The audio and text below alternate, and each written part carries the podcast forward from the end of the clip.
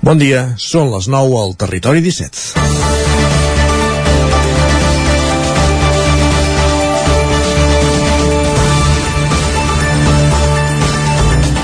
El preu del porc encadena 3 mesos de descens pel fred al mercat xinès, titula avui el 9-9 a la seva edició d'Osona i el Ripollès. Després de 3 anys en què es va anar creant una bombolla gràcies a la bonança associada a l'increment de les exportacions al país asiàtic, castigat pel brot de pesta porcina, el mercat sembla que comença a refredar-se. La canal porcina ha perdut un 26% del seu valor a la llotja de Vic des del mes de juny fins ara. No és res sorprenent, de la mateixa manera que el preu va pujar al ritme de l'increment de la demanda, ara que hi ha excedent està baixant. Hi ha preocupació de la indústria, però sobretot els ramaders, a qui la baixada del preu del porc ha coincidit amb un augment del cereal de gairebé un 18%.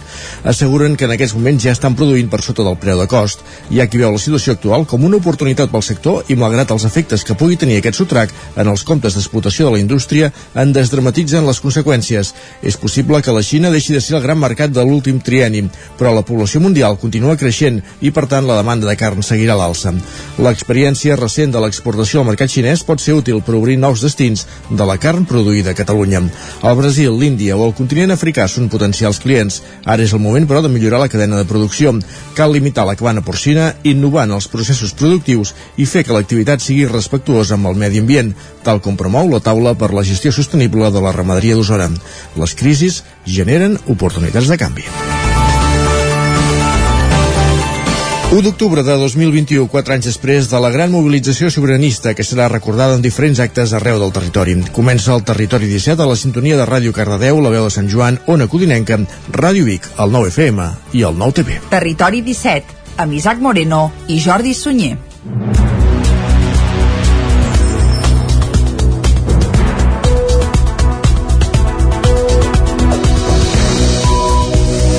Les 9 i 2 minuts, com bé has dit, Isaac, d'aquest divendres dia 1 d'octubre de 2021, fa 4 anys, segurament estàvem davant d'algun centre escolar ansiosos per votar o per veure com, com podien fer-ho o no. I, fe, i, feia hores de...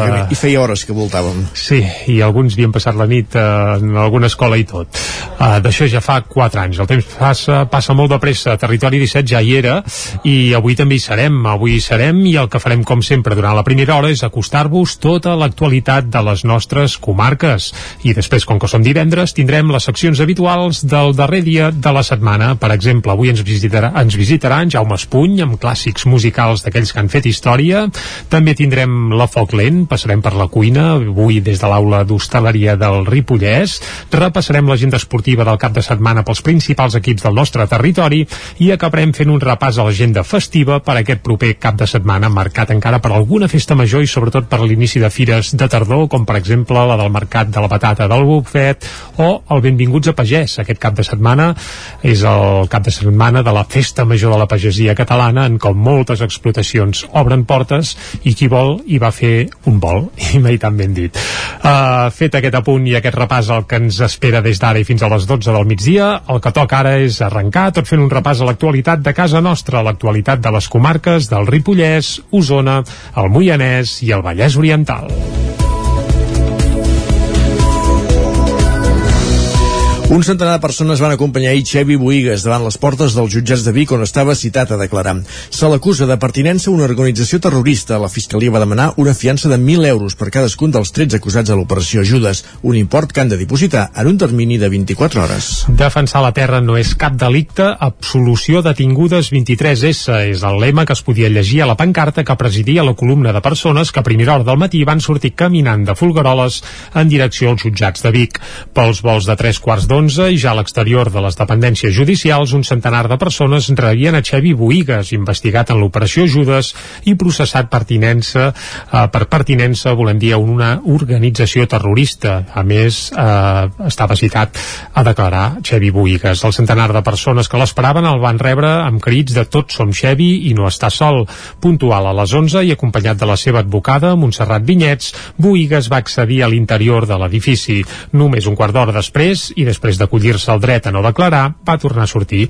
Montserrat Vinyets és l'advocada de Boigues. En relació a aquest auto de processament eh, no tenim res que declarar perquè és tan, eh, és tan fora assenyat i fora de lloc que no, no podem mm, entrar a, a fer cap tipus de consideració, sinó que en qualsevol cas, eh, quan parlem ho farem en el, en el moment del, del judici oral. A les portes dels jutjats, Vinyets va denunciar l'existència de procediments de la causa que a dia d'avui encara són secrets, un fet que, segons la lletrada, vulnera directament el dret a defensa de les persones encausades.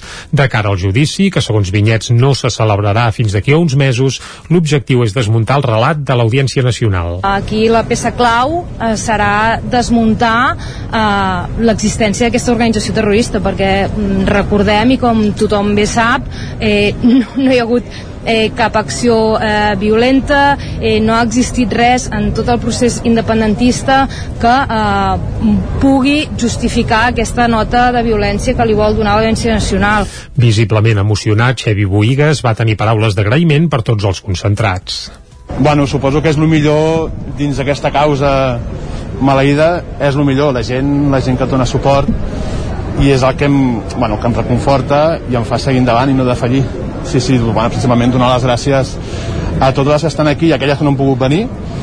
I ja està, és que no tinc si només són paraules d'agraïment a la gent entre el centenar de persones que van donar suport a Boigues a l'exterior del jutjat hi havia Jordi Pessarrodona, activista i pallasso, inhabilitat com a regidor de Sant Joan de Vilatorrada per impedir que la policia entrés a un col·legi electoral precisament l'1 d'octubre de 2017. També hi eren Eduard Garzón, encausat també en l'operació Judes, i dos dels joves del Sasso. Ho, ho avançàvem ahir al territori 17. El recinte firal del Sucre de Vic ha tancat les portes com a centre de vacunació de la Covid-19 i ahir mateix l'equip que hi havia treballat des del mes de març n'acabava el desmuntatge. La reducció en l'afluència als grans centres de vacunació ha fet canviar l'estratègia del Departament de Salut. A partir d'ara, les vacunes de la Covid-19 es posaran als centres d'atenció primària i a Osona també s'habilitaran locals alternatius en alguns municipis. Salut també es planteja fer actuacions especials a Vic i a Manlleu, on la vacunació està per sota de la mitjana.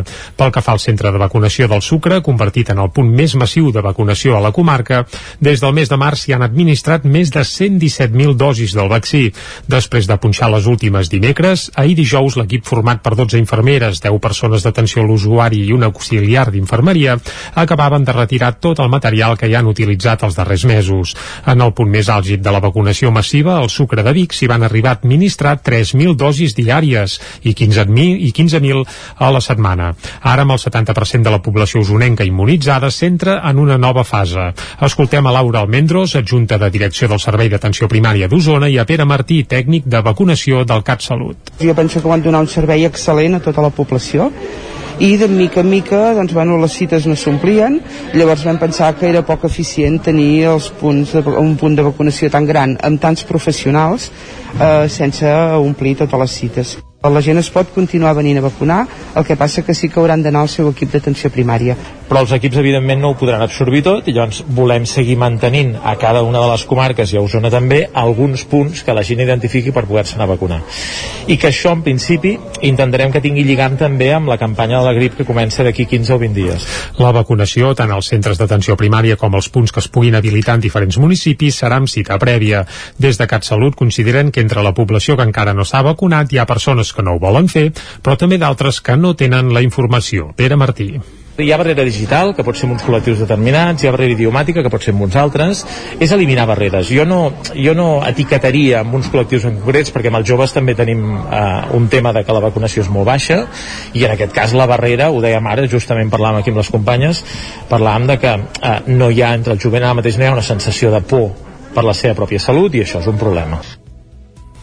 Les actuacions per acostar la vacunació de la Covid-19 a la població es podrien plantejar sobretot a Vic i a Manlleu, ciutats on les dosis administrades estan per sota de la mitjana catalana. El dia 13 d'octubre, les càmeres que hi ha als accessos del nucli antic de Torelló començaran a sancionar els vehicles que hi circulin sense tenir autorització. Les multes seran de 56 euros. Les càmeres de control d'accés al nucli antic de Torelló es van instal·lar al febrer de 2020, ja amb el govern d'Esquerra Junts per Torelló al capdavant, després que l'anterior equip, el del PDeCAT i FEM, optés per aquest sistema abans de les eleccions del maig del 2019. La manca de suports per part dels grups de l'oposició en l'aprovació del reglament i l'arribada de la pandèmia van endarrerir inicialment la posada en marxa de les càmeres. Ara, però, les, bé, fins i tot les càmeres, volem dir, es van acabar retirant perquè van patir bretolades i es van tornar a col·locar al febrer d'aquest any. Finalment, el dia 13 d'octubre, les càmeres i el semàfor de control de velocitat al carrer Sant Bartomeu començaran a sancionar després d'un període de proves que s'ha allargat per dificultats en la gestió dels permisos dels vehicles que, de veïns i comerciants que sí que poden entrar al nucli antic. Adrià Jaumira és el regidor de Serveis Territorials de l'Ajuntament de Torelló. S'ha fet un, un creuament de dades entre aquestes sol·licituds i les autoritzacions que hi havia al sistema i s'ha contactat amb les persones que, que realment no havien arribat al final d'aquesta d'aquesta sol·licitud perquè la, la tornessin a, a fer també eh, per, per temes de, de vandalisme teníem la càmera del Roca Brera eh, espatllada per evitar precisament els actes vandàlics que han patit les càmeres, s'hi han col·locat més dispositius de vigilància. L'Ajuntament també ha encetat noves accions informatives els dies previs a l'inici del període sancionador. S'actuarà amb agents cívics per informar a peu de carrer d'aquesta entrada en marxa. A part, com haureu pogut veure, també s'ha instal·lat, s'ha reforçat la senyalització amb una senyalització provisional de color groc per indicar que eh, la prohibició d'entrar en aquests carrers i així, entre totes aquestes mesures, poder poder fer evident de que s'està cometent una infracció si s'entra en aquelles zones sense estar autoritzat. La multa per entrar amb un vehicle no autoritzat al nucli antic de Torelló sense permís serà de 56 euros. Sant Martí, Sant Martí del Bars, perdó, el Lluçanès fa una consulta per decidir com ha de ser la coberta de la pista poliesportiva. Les persones empadronades i majors de 16 anys podran escollir entre dues propostes. Sant Martí del Bars convoca des d'aquest dimarts i fins demà a dissabte els seus veïns a una consulta per decidir quina tipologia de coberta cal instal·lar a la pista poliesportiva.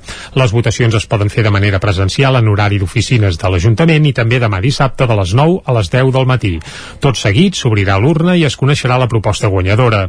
Els veïns i veïnes empadronats al municipi majors de 16 anys poden escollir entre dues opcions. La primera té un disseny més clàssic i rústic i es caracteritza per la forma triangular de la taulada feta en fusta. Pel que fa a la segona proposta, el disseny és més innovador i com a principal característica se'n podria destacar la lluminositat, ja que el sostre és opac del tot. Sant Martí del Bars va presentar en el marc del Pla General d'Inversions de la Diputació de Barcelona un projecte per cobrir la pista poliesportiva del municipi, on a part d'actes esportius també s'hi realitzen un gran, una gran quantitat d'activitats socials i culturals. Tot i disposar de dos locals socials, des de l'Ajuntament expliquen que les mesures per fer front a la Covid han fet veure la necessitat de crear un espai ampli i airejat que permeti acollir esdeveniments presencials i no haver de patir per la pluja.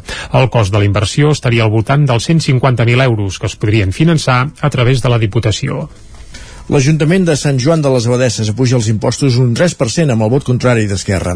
Isaac Muntades, des de la veu de Sant Joan. L'Ajuntament de Sant Joan de les Abadeses va aprovar les ordenances fiscals per l'exercici 2022 amb els vots a favor de l'equip de govern de Moviment d'Esquerres i el vot negatiu d'Esquerra Republicana de Catalunya. El debat va ser tens perquè enguany l'equip de govern va decidir apujar un 3% els principals impostos com l'IBI, l'IAE, la taxa de recollida d'escombraries i del cementiri, l'impost sobre construccions, instal·lacions i obres o de l'increment del valor sobre els terrenys de naturalesa urbana, entre entre d'altres. L'alcalde Ramon Roquer va reconèixer que era una decisió política dura perquè a cap equip de govern li agrada pujar la pressió fiscal als ciutadans, però que després de mantenir els impostos congelats durant 4 anys amb l'única excepció de la pujada de la taxa d'escombraries l'any 2019 en un 24%, la resta de preus també han augmentat. Així ho justificava Roquer. Tenim un increment de la taxa de recollida del 2019 el 21 de 93.000 euros, un increment de l'IPC dels últims anys un 6,60 interanual i d'aquest any es preveu un 3,3, per tant estem parlant d'un increment d'un 5,9 a aquests últims 4 anys. Hem tingut un increment retributiu en 4 anys d'un 8% als treballadors, que això ha suposat 80.000 euros. Estem a punt d'aprovar una relació de llocs de treball que hi ha una forquilla d'increment salarial que va des dels 67.000 euros fins pràcticament als 200.000 euros, si és que l'Ajuntament acabés cobrint les, totes les places que té vacants, més els increments que la pròpia relació de treball eh, proposa. Per poder cobrir una baixa molt urgent de la brigada requerirà doncs, en el pressupost de l'any que ve incorporar 26.000 euros i per posar un altre exemple el nou concurs de jardineria doncs s'ha adjudicat per 16.000 euros més del que veníem pagant. Sumant només aquests increments, la xifra s'eleva fins als 285.000 euros, per tal de no generar un problema estructural a l'Ajuntament que en pocs anys impedís pagar els proveïdors i treballadors, Roquer va dir que calia prendre aquesta mesura per coherència i responsabilitat. El portaveu de l'oposició, Sergi Albric, no compartia la mateixa visió i va ser molt crític amb la pujada d'impostos. Creiem que és un acte d'irresponsabilitat. Estem a l'any 2021, estem en una etapa postpandèmia i la gent ho ha passat malament i acabem pujant els impostos impostos un 3%, no? L'Ajuntament preu recaptar 212.000 euros. No ens hi cap al cap, sincerament, que o se'ls acudeixi a pujar els impostos a, a la població de Sant Joan de les Abeses en aquest moment especialment. A més a més, venim d'una etapa de pandèmia on l'Ajuntament va generar quasi bé zero ajudes directes als sectors més afectats. Recordem 5.000 i pico d'euros dels 8.000 que, es van, a, que es van acabar plantejant. Ens parla dels treballadors, els jardins, està molt bé, però eh, l'Ajuntament té altres maneres de trobar recursos. Quan es va ensorrar Can Victú, la compra de Can Victú es va, la compra es va assumir des de l'Ajuntament i aquells diners es van, es van trobar i es van pagar amb fons propis de, de l'Ajuntament, una obra que en cap cas era necessària. El regidor republicà deia que es passava la responsabilitat als ciutadans. El BRIC va insistir en que el consistori va tancar l'exercici 2020 amb una liquidació negativa i que el deute superava els 2 milions i mig d'euros, les despeses als ingressos i que s'havia aprovat un pla de sanejament fins al 2026 per reconduir la situació, a més de subratllar que Sant Joan era l'únic dels cinc grans municipis de la comarca que no havia reduït el deute, però que va dir que no entenia com no hi donava suport per responsabilitat. Els botellots a Caldes de Montbui es mantenen a nivells baixos des de, fi, des de la fi del toc de queda. A diferència del balanç comarcal, la Vila Termal no ha notat un augment exponencial d'aquest tipus d'actes. Caral Campàs, des d'Ona Codinenca. Tot i que a nivell comarcal hi ha hagut un augment dels botellots que ha portat el Consell d'Alcaldes a crear una junta de seguretat per gestionar el problema, a Caldes de Montbui aquest tipus d'activitat és residual. La fi del toc de queda nocturn va comportar un augment important dels botellots a molts municipis, però segons el sotsinspector de la policia local, Josep López, a Caldes no ha estat així. Sí que les primeres setmanes vam tenir intents, de, intents consolidats eh, de, concentra, de concentracions de, de gent majoritàriament jove en, en zones eh, d'estacionaments de vehicles, pàrquings i així. Però en qüestió de dos, tres, quatre setmanes eh, aquesta, aquesta activitat va, va acabar. Nosaltres vam, bueno, vam influir tot el que vam poder en, en evitar-la en el sentit de que concentracions especialment massives podien donar lloc a conductes doncs, perilloses en, en general, addictives o perilloses.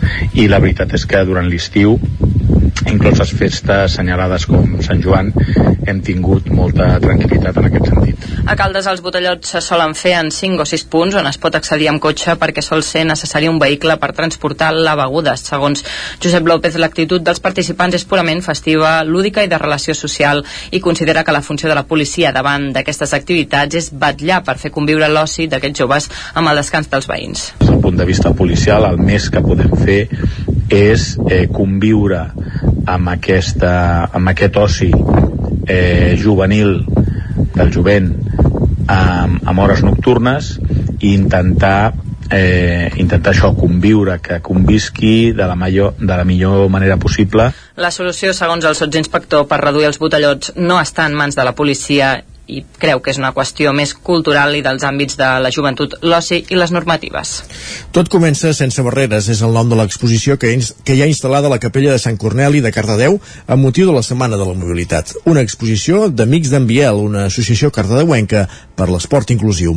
Núria Lázaro, des de Ràdio Televisió de Cardedeu. A les parets de la capella de Sant Corneli s'ha explicat el que engloba l'accessibilitat universal més enllà de les persones amb discapacitat funcional. També s'han pogut llegir les garanties que suposa la llei d'accessibilitat de Catalunya de 2014, que compleix un doble objectiu. Per una banda, aconseguir una societat que garanteixi la màxima autonomia per tothom, indiferentment de la seva condició física, i per l'altra, simplificar el marc normatiu català. Noelia Cortés, presidenta de l'Associació d'Amics d'en Biel. Amb la idea i la sensació que sortís de l'Expo doncs eh, simplement que, que es quedessin amb una miqueta amb el concepte d'accessibilitat, que és molt important, que a vegades no ens donem compte, però petits detalls ens poden fer la vida més, més agradable. I per la gent sobretot que té alguna limitació, alguna diversitat funcional, digue-li com vulguis, doncs fa falta que tots ens posem a una amb l'accessibilitat i en el poble pues, eh, bueno, mm, com haureu vist aquí està el pla d'accessibilitat de Cardedeu que està fet des del 2004 i pues, ens agradaria una miqueta que es mogués el tema, que es posés al dia i que comptessin sobretot amb les veus de les persones que tenim aquesta percepció. A internet trobareu tota la informació sobre l'organització Amics d'en i el ple d'accessibilitat de Cardedeu.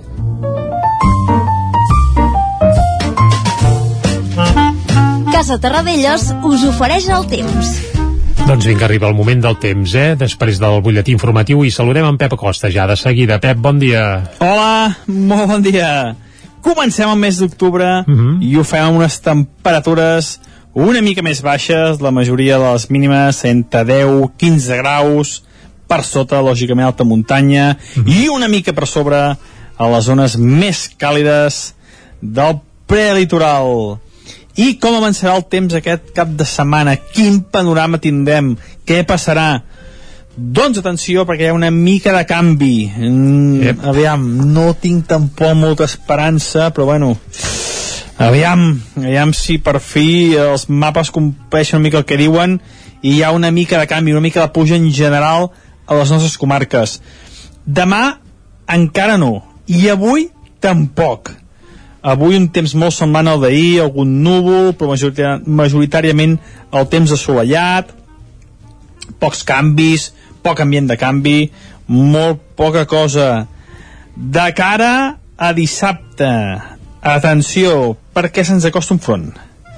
Feia molt temps que no deia això, perquè mm -hmm. havien tingut pluges, però més aviat tempestes localitzades, aquestes coses, i se'ns acosta un front, un front de nord, que serà una mica actiu, espero, espero que sigui una mica actiu, aquest front de nord aportarà vent de nord, humitat, una mica més de fred, i espero que pluges. Sobretot a partir de demà a la nit.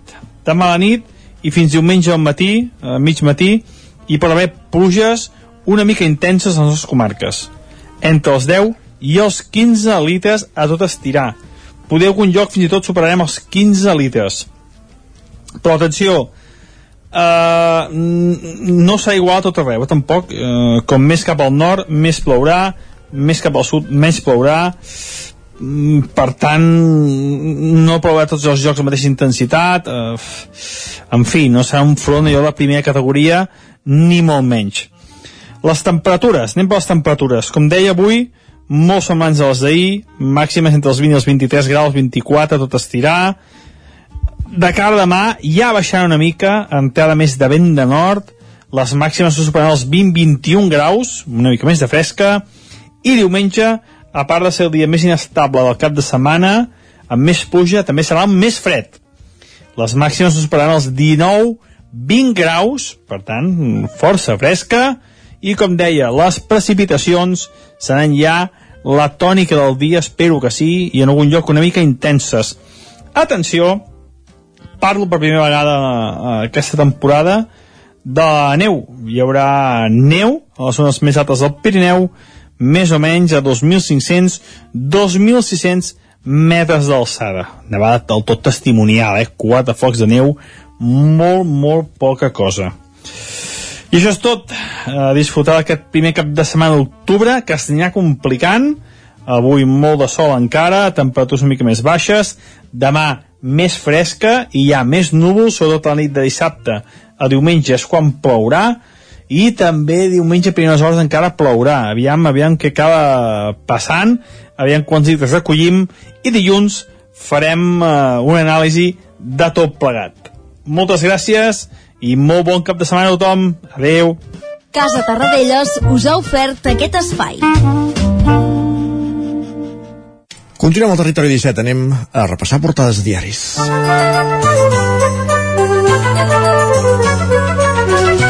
I què diuen avui els diaris, Jordi? 1 d'octubre del 2021. Vinga, doncs comencem pel 9-9, que som divendres, i edició d'Osona i el Ripollès. Ja ho has explicat al principi del Territori 17. Titula que el preu del porc encadena 3 mesos de descens pel fred al mercat xinès.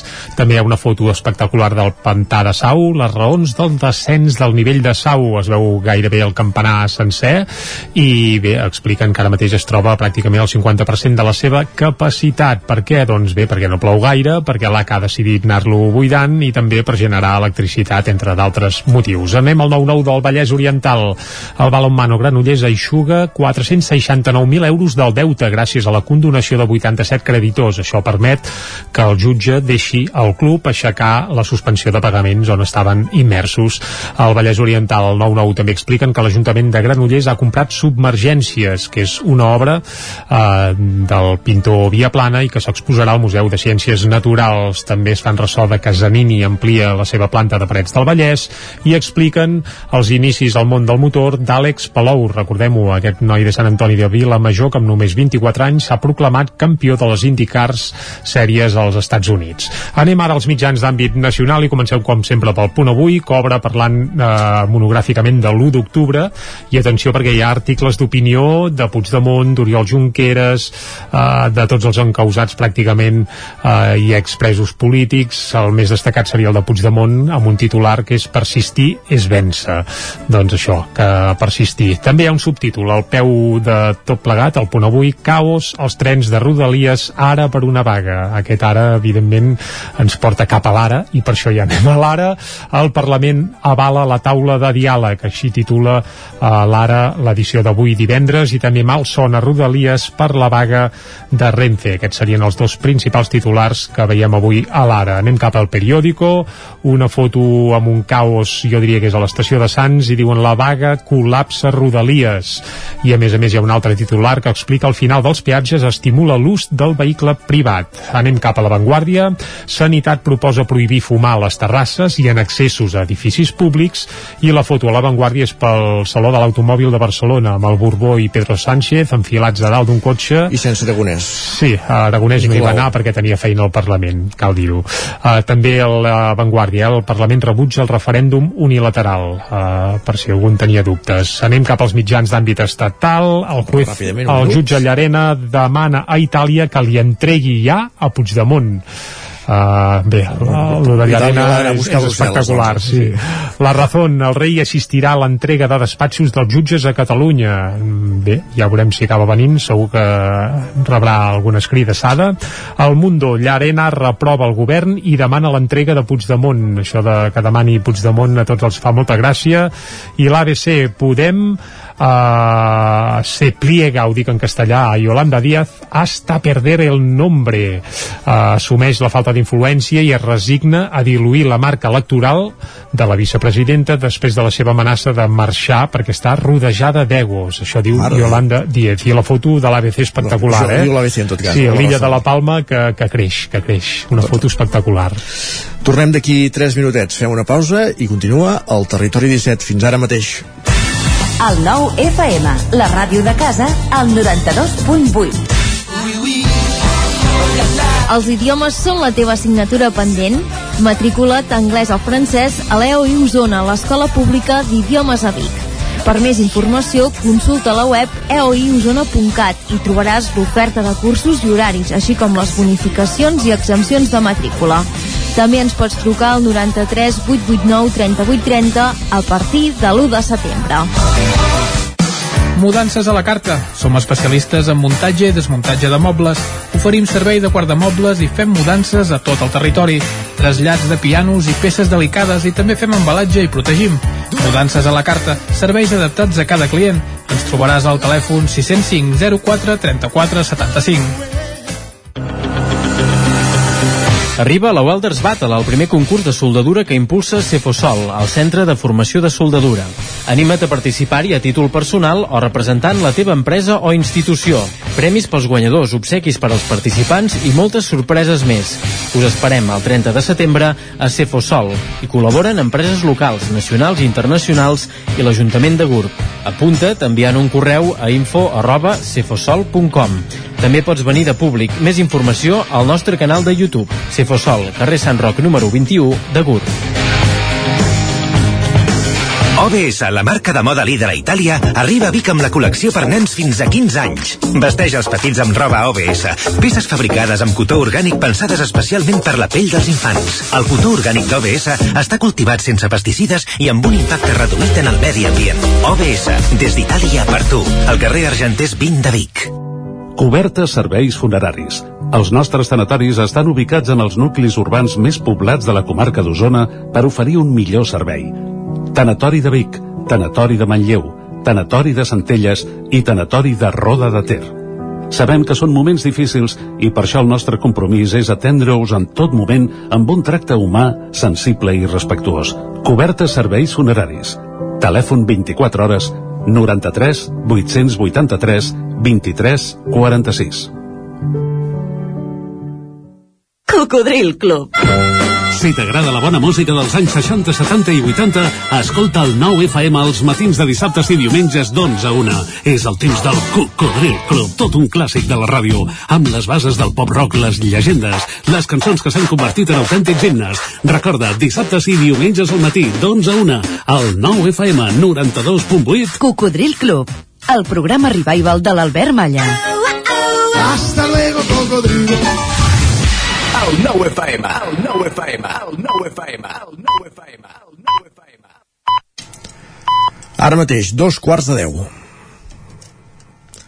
Dos quarts de deu, com dèiem, al territori 17. Territori 17, amb Isaac Moreno i Jordi Sunyer.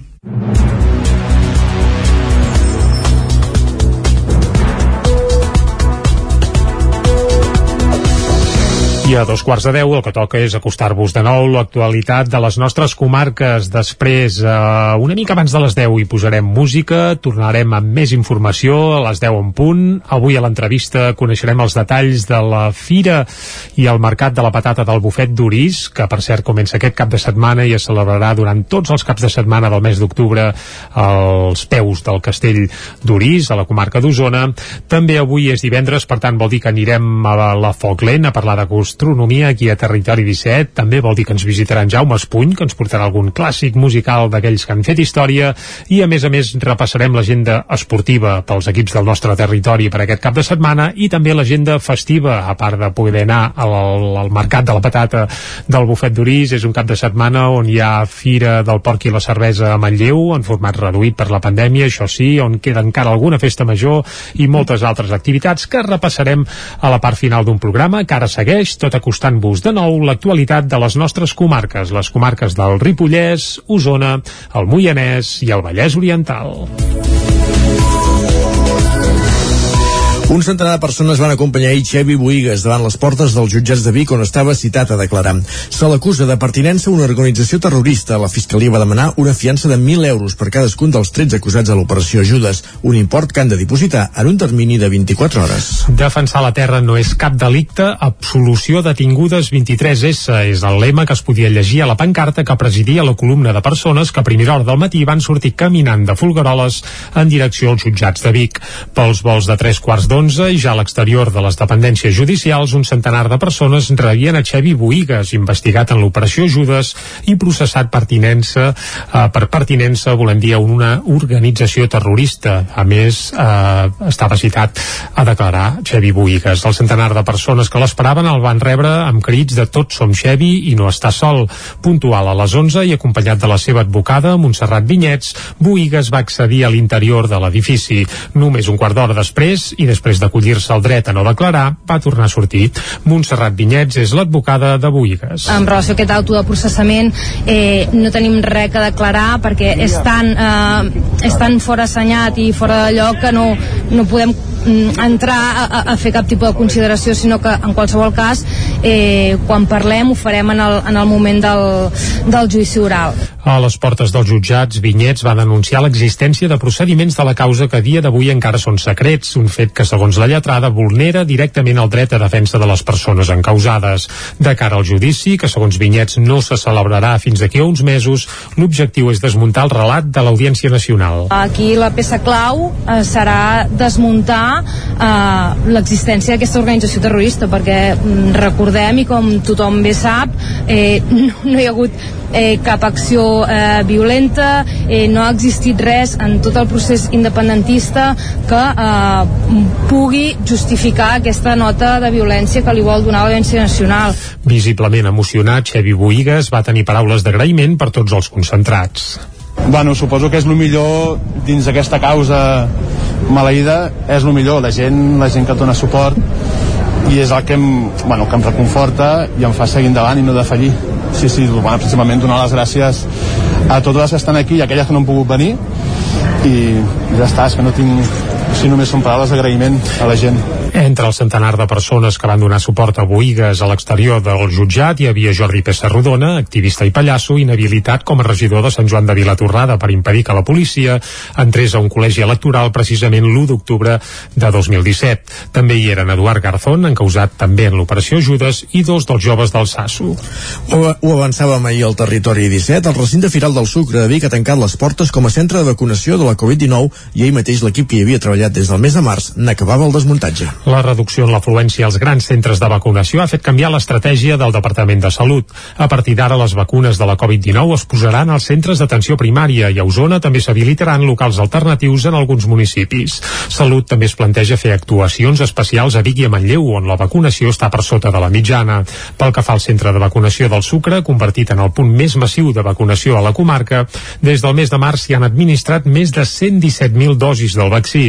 Després de punxar les últimes dimecres, ahir dijous l'equip format per 12 infermeres, 10 persones d'atenció a l'usuari i un auxiliar d'infermeria acabaven de retirar tot el material que hi han utilitzat els darrers mesos. En el punt més àlgid de la vacunació massiva, al Sucre de Vic s'hi van arribar a administrar 3.000 dosis diàries i 15.000 i 15.000 a la setmana. Ara, amb el 70% de la població usonenca immunitzada, s'entra en una nova fase. Escoltem a Laura Almendros, adjunta de direcció del Servei d'Atenció Primària d'Osona, i a Pere Martí, tècnic de vacunació del CatSalut. Jo penso que van donar un servei excel·lent a tota la població i de mica en mica doncs, bueno, les cites no s'omplien. Llavors vam pensar que era poc eficient tenir els punts de, un punt de vacunació tan gran amb tants professionals eh, sense omplir totes les cites la gent es pot continuar venint a vacunar, el que passa que sí que hauran d'anar al seu equip d'atenció primària. Però els equips, evidentment, no ho podran absorbir tot i llavors volem seguir mantenint a cada una de les comarques i a Osona també alguns punts que la gent identifiqui per poder-se anar a vacunar. I que això, en principi, intentarem que tingui lligant també amb la campanya de la grip que comença d'aquí 15 o 20 dies. La vacunació, tant als centres d'atenció primària com als punts que es puguin habilitar en diferents municipis, serà amb cita prèvia. Des de CatSalut consideren que entre la població que encara no s'ha vacunat hi ha persones que no ho volen fer, però també d'altres que no tenen la informació. Pere Martí. Hi ha barrera digital, que pot ser amb uns col·lectius determinats, hi ha barrera idiomàtica, que pot ser amb uns altres, és eliminar barreres. Jo no, jo no etiquetaria amb uns col·lectius en concrets, perquè amb els joves també tenim eh, un tema de que la vacunació és molt baixa, i en aquest cas la barrera, ho dèiem ara, justament parlàvem aquí amb les companyes, parlàvem de que eh, no hi ha, entre el jovent ara mateix no hi ha una sensació de por per la seva pròpia salut, i això és un problema. Les actuacions per acostar la vacunació de la Covid-19 a la població es podrien plantejar sobretot a Vic i a Manlleu, ciutats on les dosis administrades estan per sota de la mitjana catalana. El dia 13 d'octubre, les càmeres que hi ha als accessos del nucli antic de Torelló començaran a sancionar els vehicles que hi circulin sense tenir autorització. Les multes seran de 56 euros. Les càmeres de control d'accés al nucli antic de Torelló es van instal·lar al febrer de 2020, ja amb el govern d'Esquerra Junts per Torelló al capdavant, després que l'anterior equip, el del PDeCAT i FEM, optés per aquest sistema abans de les eleccions del maig del 2019. La manca de suports per part dels grups de l'oposició en l'aprovació del reglament i l'arribada de la pandèmia van endarrerir inicialment la posada en marxa de les càmeres.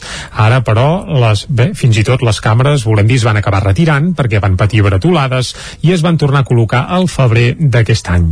Finalment, el dia 13 d'octubre, les càmeres i el semàfor de control de velocitat al carrer Sant Bartomeu començaran a sancionar després d'un període de proves que s'ha allargat per dificultats en la gestió dels permisos dels vehicles que, de veïns i comerciants que sí que poden entrar al nucli antic. Adrià Jaumira és el regidor de Serveis Territorials de l'Ajuntament de Torelló. S'ha fet un, un creuament de dades entre aquestes sol·licituds i les autoritzacions que hi havia al sistema i s'ha contactat amb les persones que, que realment no havien arribat al final d'aquesta d'aquesta sol·licitud perquè la, la tornessin a, a fer. També eh, per, per temes de, de vandalisme teníem la càmera del carrer Cabrera eh, espatllada per evitar precisament els actes vandàlics que han patit les càmeres s'hi han col·locat més dispositius de vigilància. L'Ajuntament també ha encetat noves accions informatives els dies previs a l'inici del període sancionador. S'actuarà amb agents cívics per informar a peu de carrer d'aquesta entrada en marxa. A part, com haureu pogut veure, també s'ha instal·lat, s'ha reforçat la senyalització amb una senyalització provisional de color groc per indicar que eh, la prohibició d'entrar en aquests carrers i així entre totes aquestes mesures poder poder fer evident de que s'està cometent una infracció si s'entra en aquelles zones sense estar autoritzat. La multa per entrar amb un vehicle no autoritzat al nucli antic de Torelló sense permís serà de 56 euros. Sant Martí, Sant Martí del Bars, perdó, el Lluçanès fa una consulta per decidir com ha de ser la coberta de la pista poliesportiva. Les persones empadronades i majors de 16 anys podran escollir entre dues propostes. Sant Martí del Bars convoca des d'aquest dimarts i fins demà dissabte els seus veïns a una consulta per decidir quina tipologia de coberta cal instal·lar a la pista poliesportiva. Les votacions es poden fer de manera presencial en horari d'oficines de l'Ajuntament i també demà dissabte de les 9 a les 10 del matí. Tot seguit s'obrirà l'urna i es coneixerà la proposta guanyadora. Els veïns i veïnes empadronats al municipi majors de 16 anys poden escollir entre dues opcions. La primera té un disseny més clàssic i rústic i es caracteritza per la forma triangular de la taulada feta en fusta. Pel que fa a la segona proposta, el disseny és més innovador i com a principal característica se'n podria destacar la lluminositat, ja que el sostre és opac del tot. Sant Martí del Bars va presentar en el marc del Pla General d'Inversions de la Diputació de Barcelona un projecte per cobrir la pista poliesportiva del municipi, on a part d'actes esportius també s'hi re realitzen un gran, una gran quantitat d'activitats socials i culturals. Tot i disposar de dos locals socials, des de l'Ajuntament expliquen que les mesures per fer front a la Covid han fet veure la necessitat de crear un espai ampli i airejat que permeti acollir esdeveniments presencials i no haver de patir per la pluja. El cost de la inversió estaria al voltant dels 150.000 euros que es podrien finançar a través de la Diputació. L'Ajuntament de Sant Joan de les Abadesses apuja els impostos un 3% amb el vot contrari d'Esquerra. Isaac Muntades, des de la veu de Sant Joan. L'Ajuntament de Sant Joan de les Abadeses va aprovar les ordenances fiscals per l'exercici 2022 amb els vots a favor de l'equip de govern de Moviment d'Esquerres i el vot negatiu d'Esquerra Republicana de Catalunya. El debat va ser tens perquè enguany l'equip de govern va decidir apujar un 3% els principals impostos com l'IBI, l'IAE, la taxa de recollida d'escombraries i del cementiri, l'impost sobre construccions, instal·lacions i obres o de l'increment del valor sobre els terrenys de naturalesa urbana, entre d'altres. L'alcalde Ramon Roquer va reconèixer que era una decisió política dura perquè a cap equip de govern li agrada pujar la pressió fiscal als ciutadans, però que després de mantenir els impostos congelats durant 4 anys amb l'única excepció de la pujada de la taxa d'escombraries l'any 2019 en un 24%, la resta de preus també han augmentat. Així ho justificava Roquer. Tenim un increment de la taxa de recollida del 2019 el 21 de 93.000 euros, un increment de l'IPC dels últims anys un 6,60 interanual i d'aquest any es preveu un 3,3, per tant estem parlant d'un increment d'un 5,9 aquests últims 4 anys. Hem tingut un increment retributiu en 4 anys d'un 8% als treballadors, que això ha suposat 80.000 euros. Estem a punt d'aprovar una relació de llocs de treball que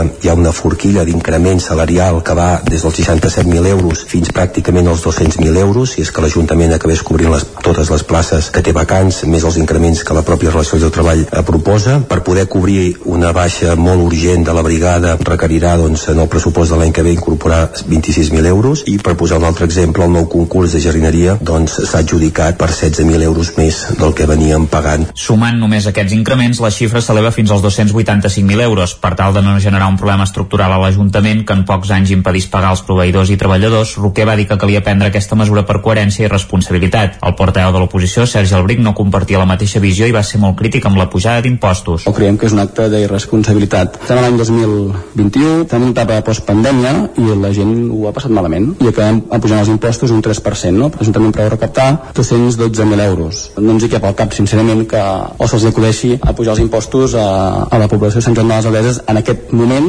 especialment. A més a més, venim d'una etapa de pandèmia on l'Ajuntament va generar quasi bé zero ajudes directes als sectors més afectats. Recordem 5.000 i pico d'euros dels 8.000 que, es van, que es van acabar plantejant. Ens parla dels treballadors, els jardins, està molt bé, però eh, l'Ajuntament té altres maneres de trobar recursos. Quan es va ensorrar Can Victú, la compra de Can Victú es va, la compra es va assumir des de l'Ajuntament i aquells diners es van, es van trobar i es van pagar amb fons propis de, de l'Ajuntament, una obra que en cap cas era necessària. El regidor republicà deia que es passava la responsabilitat als ciutadans. El BRIC va insistir en que el consistori va tancar l'exercici 2020 amb una liquidació negativa i que el deute superava els 2 milions i mig d'euros, les despeses als ingressos i que s'havia aprovat un pla de sanejament fins al 2026 per reconduir la situació, a més de subratllar que Sant Joan era l'únic dels cinc grans municipis de la comarca que no havia reduït el deute. Roquer va dir que no entenia com no hi donava suport per responsabilitat. Els botellots a Caldes de Montbui es mantenen a nivells baixos des de, fi, des de la fi del toc de queda. A diferència del balanç comarcal, la Vila Termal no ha notat un augment exponencial d'aquest tipus d'actes. El campàs des d'una codinenca. Tot i que a nivell comarcal hi ha hagut un augment dels botellots que ha portat el Consell d'Alcaldes a crear una junta de seguretat per gestionar el problema. A Caldes de Montbui aquest tipus d'activitat és residual. La fi del toc de queda nocturn va comportar un augment important dels botellots a molts municipis, però segons el sotsinspector de la policia local, Josep López, a Caldes no ha estat així. Sí que les primeres setmanes vam tenir intents, de, intents consolidats eh, de, concentra, de concentracions de, de gent majoritàriament jove en, en zones eh, d'estacionaments de vehicles, pàrquings i així. Però en qüestió de dos, tres, quatre setmanes eh, aquesta, aquesta activitat va, va acabar. Nosaltres vam, bueno, vam influir tot el que vam poder en, en evitar-la en el sentit de que concentracions especialment massives podien donar lloc a conductes doncs, perilloses en, en general, addictives o perilloses. I la veritat és que durant l'estiu inclús les festes assenyalades com Sant Joan hem tingut molta tranquil·litat en aquest sentit. A Caldes els botellots se solen fer en 5 o 6 punts on es pot accedir amb cotxe perquè sol ser necessari un vehicle per transportar la beguda. Segons Josep López, l'actitud dels participants és purament festiva, lúdica i de relació social i considera que la funció de la policia davant d'aquestes activitats és batllar per fer conviure l'oci d'aquests joves amb el descans dels veïns. Des del punt de vista policial, el més que podem fer és eh, conviure amb, aquesta, amb aquest oci eh, juvenil del jovent amb, amb hores nocturnes i intentar eh, intentar això, conviure, que convisqui de la, major, de la millor manera possible. La solució, segons el sotsinspector, per reduir els botellots no està en mans de la policia i creu que és una qüestió més cultural i dels àmbits de la joventut, l'oci i les normatives. Tot comença sense barreres, és el nom de l'exposició que, que hi ha instal·lada a la capella de Sant Corneli de Cardedeu amb motiu de la Setmana de la Mobilitat. Una exposició d'Amics d'en Biel, una associació cardedeuenca per l'esport inclusiu.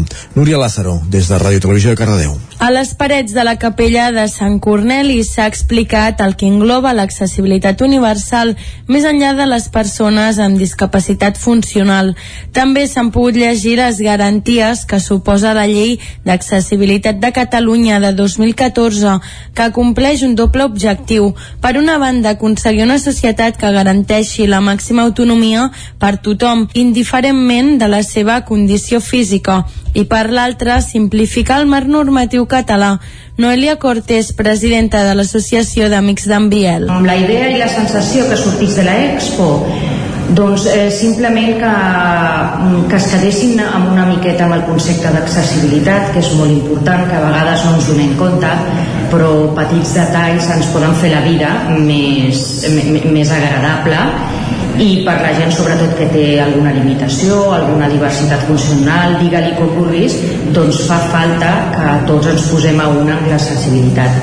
I en el poble, pues, eh, bueno, mm, com haureu vist aquí, està el pla d'accessibilitat de Cardedeu, que està fet des del 2004, i pues, ens agradaria una miqueta que es mogués el tema, que es posés al dia i que comptessin sobretot amb les veus de les persones que tenim aquesta percepció. A internet trobareu tota la informació sobre l'organització Amics d'en Biel i el ple d'accessibilitat de Cardedeu.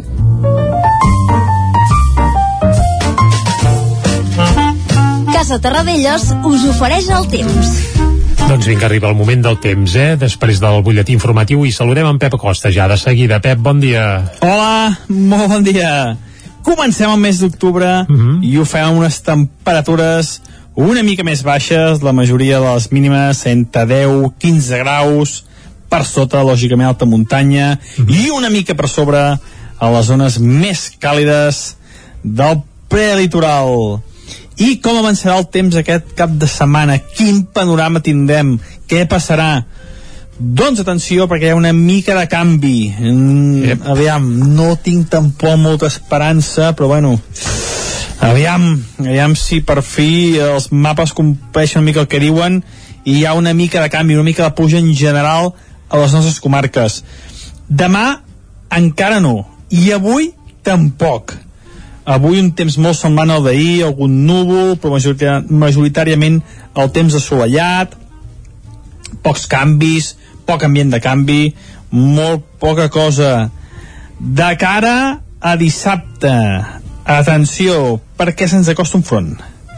Feia molt temps, com deia això, perquè mm, havien tingut pluges però eren més aviat tempestes localitzades aquestes coses i se'ns acosta un front un front de nord que serà una mica actiu espero.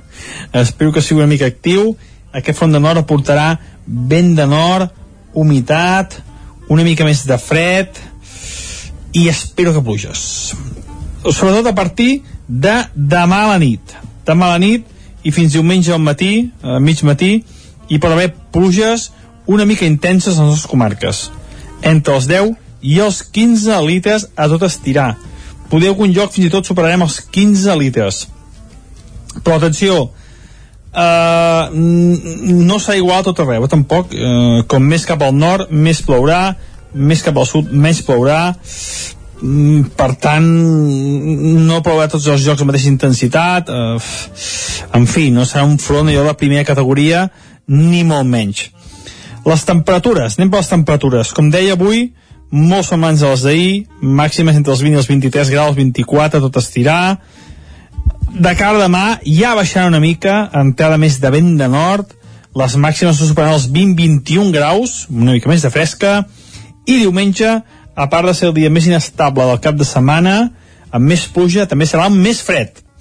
Les màximes superaran els 19-20 graus, per tant, força fresca, i com deia, les precipitacions seran ja la tònica del dia, espero que sí, i en algun lloc una mica intenses. Atenció, parlo per primera vegada uh, aquesta temporada de la neu. Hi haurà neu a les zones més altes del Pirineu, més o menys a 2.500-2.600 metres d'alçada. Nevada del tot testimonial, eh? Quatre focs de neu, molt, molt poca cosa. I això és tot. A disfrutar aquest primer cap de setmana d'octubre, que s'anirà complicant. Avui molt de sol encara, temperatures una mica més baixes. Demà més fresca i hi ha més núvols, sobretot a la nit de dissabte. A diumenge és quan plourà. I també diumenge per unes hores encara plourà. Aviam, aviam què acaba passant. Aviam quants litres recollim. I dilluns farem uh, una anàlisi de tot plegat. Moltes gràcies i molt bon cap de setmana a tothom adeu Casa Tarradellas us ha ofert aquest espai Continuem al territori 17, anem a repassar portades diaris.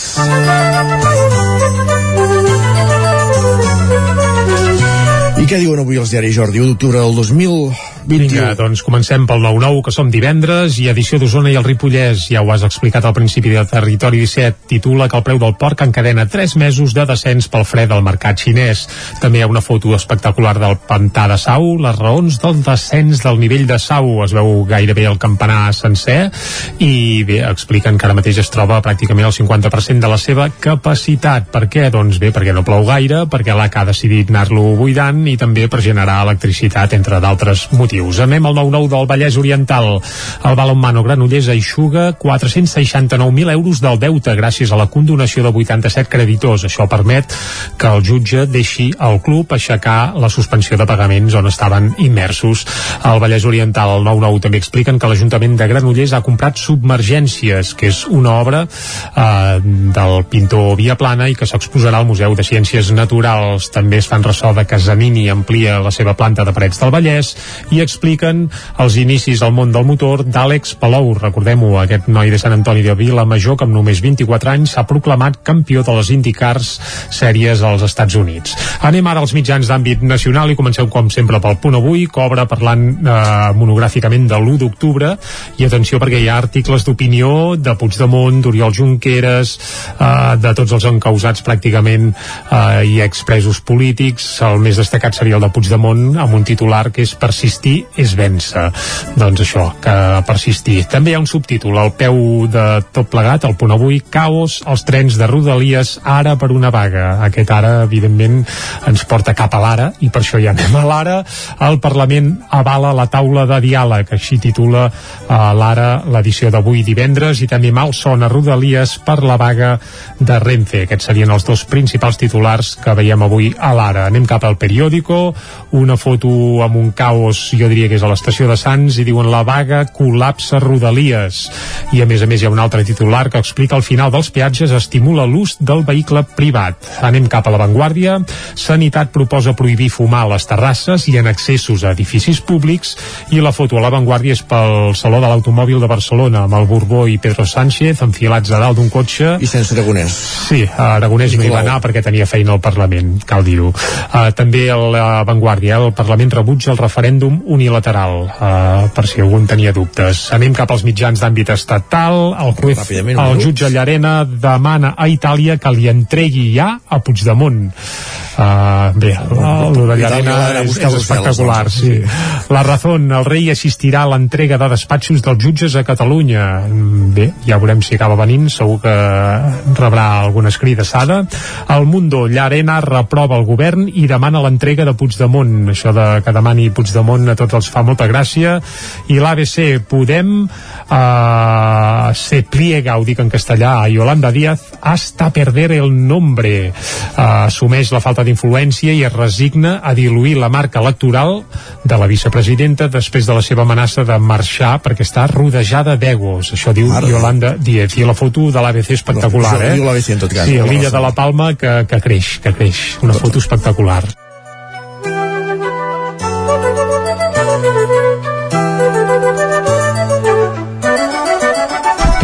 Doncs repassats els diaris, moment d'anar per la música, no Jordi? Exacte, anar per la música. Per cert, deixem acabar de comentar eh, això de la foto aquesta que dèiem de l'ABC, una foto aèria, on es veu claríssim que l'illa de la Palma, bé, hauran de refer tots els mapes que hi hagi a les escoles o on sigui, perquè és evident que, que creix, que creixi força i que quan tot plegat es refredi, doncs caldrà, caldrà modificar. Però a, a l'escala que veiem un mapa a l'escola, vols dir que es, canviarà gaire? Home, amb la foto aèria aquesta, una mica de queixal ja s'hi veu, eh? I parlen d'unes quantes hectàrees i la cosa va fent, però vaja, com que ens queda lluny, tornem cap aquí.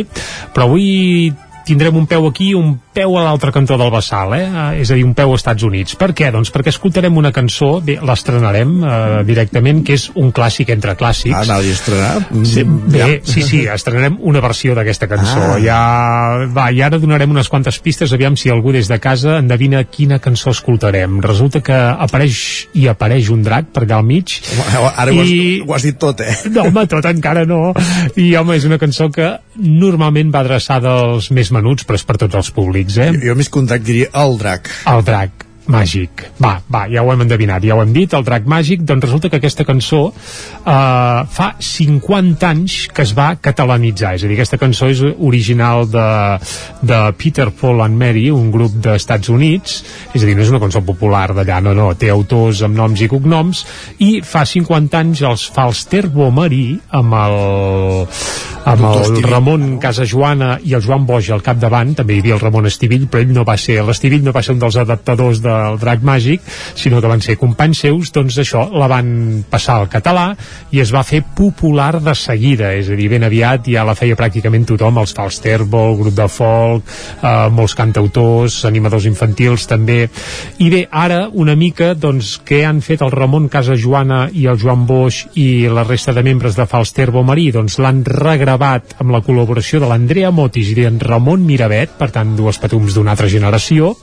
i eh, en sortirà un disc ben aviat que serà el darrer disc dels Falsterbo i evidentment per dia 10 han regravat la seva cançó potser més emblemàtica que és aquest Paf era un drac màgic que ara es titula Adeu Paf. Doncs és la cançó de sempre eh? però amb aquesta versió amb l'Andrea Motis i el Ramon Miravet que escoltarem ara fins a arribar al punt de les 10 S'ho arreglaven molt bé enfilant-se la cua d'en Paf vigilava el vent prínceps s'inclinaven al seu pas. I quan Paf es va fer un crit els pirates van callar. Paf era un drac màgic que vivia al fons del mar però sol s'avorria molt i sortia a jugar. Paf era un drac màgic que vivia al fons del mar però sol s'avorria molt i sortia a jugar.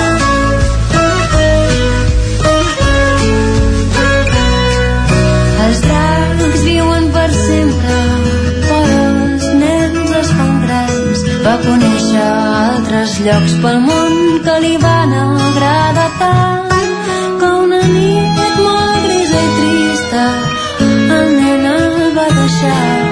els brams de joia d'aquell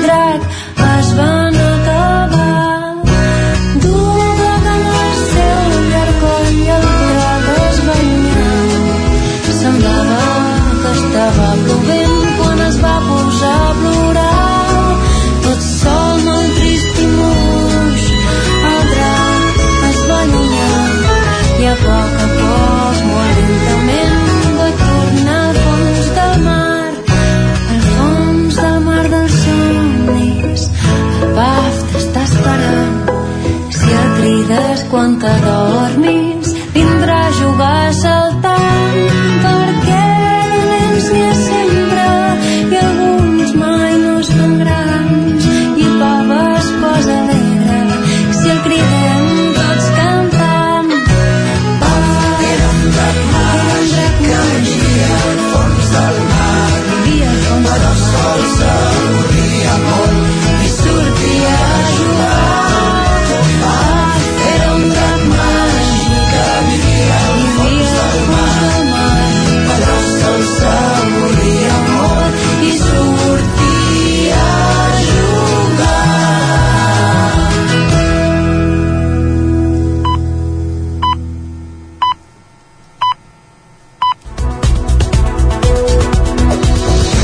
aquesta hora, com cada dia al Territori 17, és moment de repassar les notícies més destacades a les nostres comarques, les comarques del Territori 17, el Ripollès, Osona, el Moianès i el Vallès Oriental.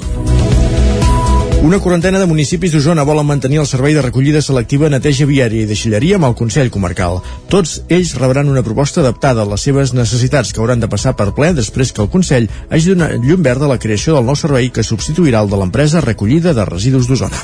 El Consell Comarcal d'Osona ha aprovat definitivament la creació del nou servei de recollida selectiva, neteja viària i deixalleria que ha de substituir el grup recollida de residus d'Osona.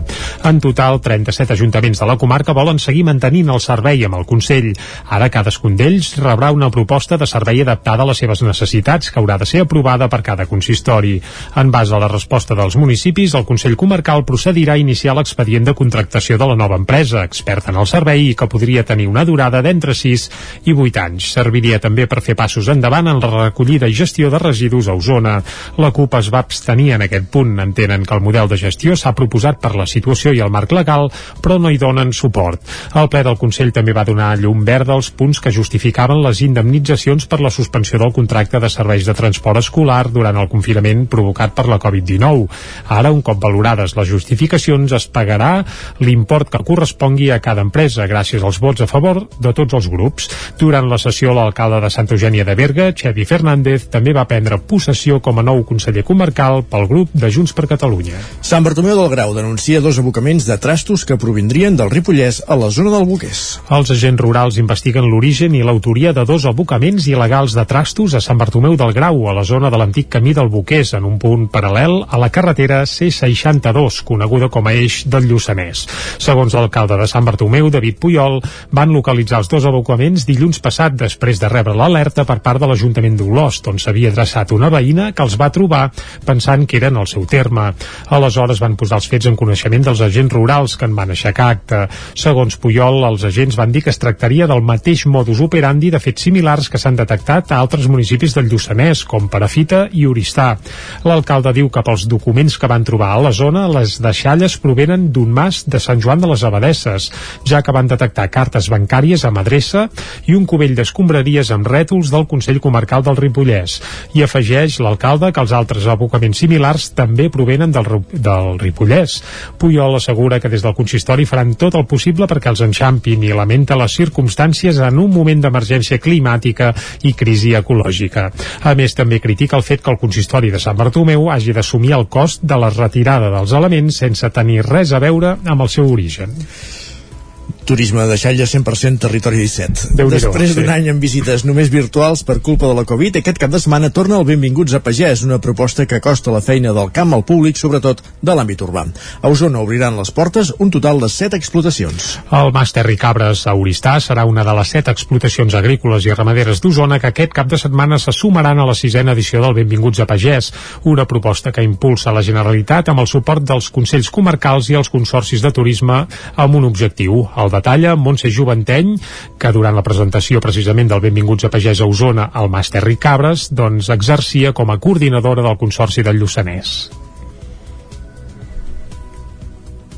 que la ciutadania conegui doncs, l'origen definitivament d'aquests eh, productes que tots, eh, tots acabem eh, consumint i és una manera doncs, el benvinguts a Pagès doncs, de quedar, crear un vincle entre el, la gent que, que viuen a Pagès i, i de fet doncs, bueno, tota la ciutadania en general. La campanya que aspira a convertir-se en la gran festa de la pagesia catalana també vol contribuir a visibilitzar el sector i a fer-ne pedagogia.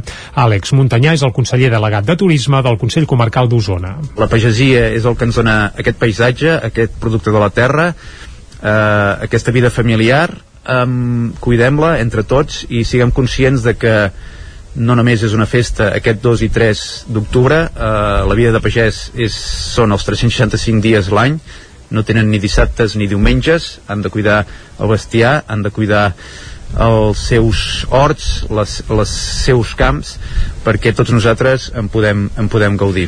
A part del Mas Terri Cabres, que va acollir la presentació de les jornades a Osona, durant el cap de setmana a la comarca també es podrà visitar el centre de manipulació de la castanya de Viladrau, el Mas al Pujol de Call d'Atenes, el Soler de Nuc de Prats de Lluçanès, els formatges de Lluçà, les cabres d'en a Muntanyola, i el Mas Corcó de Manlleu. El número d'explotacions s'ha reduït una mica respecte al 2019, però cal tenir en compte que l'any passat es va fer tot de forma virtual per culpa de la pandèmia.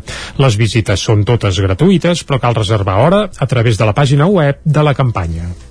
La inauguració del Museu del Ferro del Molí Gros serà l'acte central de la quarta Bienal del Metall de Can de Bànol. Isaac Muntades, des de la veu de Sant Joan. Des d'aquest divendres a la tarda fins diumenge al migdia, Camp de Bànol acollirà la quarta edició de la Bienal del Metall, una fira que vol ser l'espai de trobada entre empreses, institucions, forjadors artístics i persones vinculades al món del ferro, a més de mostrar tot el llegat històric que vincula el municipi amb el metall des de l'època medieval. Un dels actes centrals serà dissabte al migdia a la plaça de Vall de Mosa, on es farà la inauguració de les obres de millora, remodelació i museografia de l'antic Molí Gros, que acollirà un museu transfronterer Pirfer del Ferro. La directora del projecte Pirfer, Estela Delgado, va explicar que hi ha quatre sales vinculades als elements de l'aigua, el foc, el ferro i la natura, amb panells informatius del patrimoni industrial de Can de Bànol. A més a més, s'hi podran veure peces cedides permanentment pel Museu Etnogràfic de Ripoll, com un mall. El projecte Pirfer, que està dins del programa Interreg de la Unió Europea, l'integren cinc municipis francesos i quatre de catalans a banda de Can de Bànol, que són Ripoll, Alpens, Besalú i Alins. Delgado també va explicar quin és el principal objectiu del Pirfer i com se n'ha beneficiat Camp de Bànol. El objectiu principal del projecte PIRFER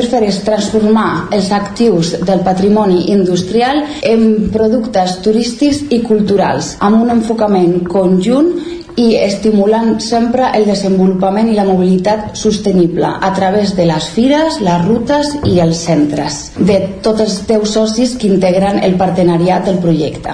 I també, a més, compleix amb l'objectiu específic que és afavorir el coneixement, la preservació i sobretot transformar el patrimoni industrial vinculat al ferro. Ens posa en marxa la ruta del ferro i de l'aigua que podrà voltar per tot el municipi de Camp de Bànol i podrà eh, visitar els punts on, on ha sigut transformat el patrimoni industrial del municipi vinculat al ferro. I si venen aquest cap de setmana doncs podran gaudir de la Bienal del Metall. Enguany, el certamen tindrà un format reduït per la Covid-19, que limitarà l'aforament en algun dels actes i farà que vinguin només entre 20 i 25 forjadors, quan en altres edicions en venien entre 100 i 130. La regidora de Barris, Blanca Sánchez, va subratllar algunes de les activitats més destacades. Com ja sabeu, eh, som socis a les ciutats europees del metall i el nostre representant com a forjador és el senyor Eulogio Villalobos. Llavors, doncs, ell eh, estarà molt activament durant tot el cap de setmana amb el grup de forjadors que treballaran i faran eh, treballs comentats faran un treball conjunt que serà una brana que es col·locarà a l'entrada del molí. O sigui que um, serà, diguéssim, una feina treballada durant tot el cap de setmana, conjuntament, que llavors ens queda aquest llegat al poble. Uh, hi haurà exposicions també doncs, del, del Camp de Banolenc a l'artesà Jesús Zapata Rivera, doncs, que és un, un noi que treballa doncs, a les hores lliures fent ganivets, que és la seva passió, a més a més l'exposició doncs, de peces de, de forja. Hi haurà paradetes tant de venda de, de materials i coses de decoració vinculats amb la forja. Dissabte a la tarda, al Centre Civil La Confiança es presentarà el llibre Molí Gros, història dels propietaris del molí gros, funcionament del molí, els canals i aprofitament hidràulic, que està escrit per tres Benolencs. I tot seguit una conferència històrica a càrrec de la directora del Museu Etnogràfic, Roser Vilardell, i una xerrada col·loqui titulada Les dones i el ferro, on dones que han treballat al sector del metall explicaran les seves experiències. Com a cluent de diumenge es ballarà la dansa després que el dilluns de festa major s'hagués de suspendre per la pluja. S'ha presentat a Cardedeu el llibre El drac de la Serreta d'Eliseu Guillemont i Pilar Ors, un llibre basat en el drac de fusta del Parc de la Serreta, Núria Lázaro, des de Ràdio Televisió de Cardedeu. Fa anys l'Eliseu Guillamont va construir al Parc de la Serreta un drac de fusta pels nens. L'imaginari d'aquesta criatura màgica va continuar fins l'any passat, on va quedar reflectit a les explanades del mateix parc, tot i que fa poc va desaparèixer a causa d'un incendi. La història ha culminat en el llibre El drac de la Serreta, on es recupera l'esperit d'aquest drac en forma de conte il·lustrat. Eliseu Guillamont, paisatgista i escriptor del drac de la Serreta. La, la, la idea de l'escultura va sorgir fa 20, 22, 21 anys, precisament com s'explica en el conte, o sigui, l'haureu de llegir per, per esbrinar-ho, i tot això està basat en fets reals. Llavors, de tota aquesta història, al final, durant el confinament, el drac aquest va tornar a aparèixer, perquè durant uns anys havia desaparegut. Llavors, justament amb tot aquest misteri, ens vam animar a escriure el conte. I, i, i per això està. No desvetllaré res més perquè l'heu de comprar. L'acte va començar amb la narració del conte per part de Gemma Laborda, mentre Pilar Ors, il·lustradora cardedeuenca, feia una il·lustració del drac. L'acte va acabar amb una experiència participativa amb el públic dibuixant el seu propi drac. El llibre es podrà aconseguir sota demanda al propi autor a les llibreries del poble i pròximament a les de la comarca. El Voltregà i el Caldes arriben aquest diumenge a la tercera jornada de la Lliga sense conèixer encara la victòria. Caral Campàs, des d'Ona Codinenca.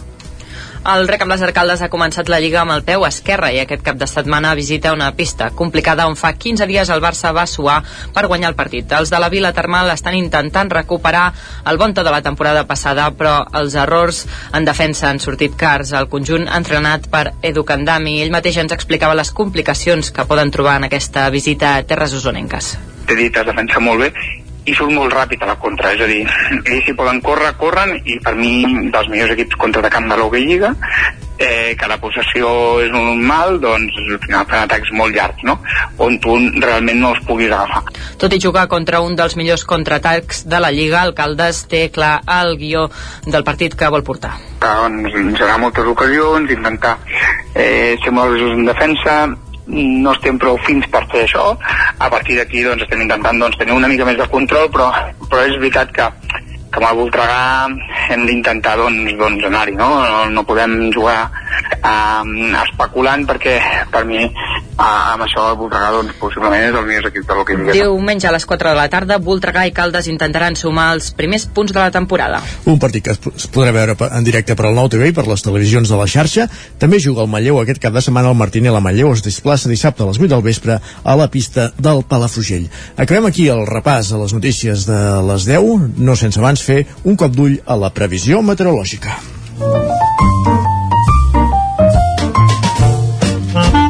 Casa Terradellos us ofereix el temps.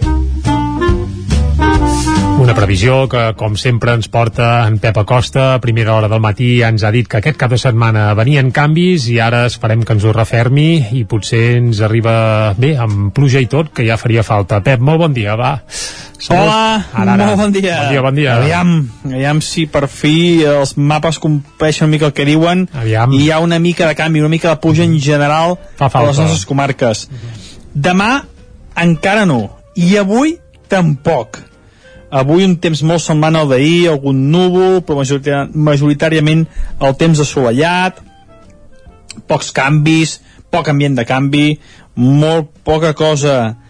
De cara a dissabte, atenció, perquè se'ns acosta un front. Portarà vent de nord, humitat, una mica més de fred i espero que pluges. Sobretot a partir de demà a la nit. Demà a la nit i fins diumenge al matí, a mig matí, i per haver pluges una mica intenses a les comarques, entre els 10 i els 15 litres a tot estirar. Poder algun lloc fins i tot superarem els 15 litres.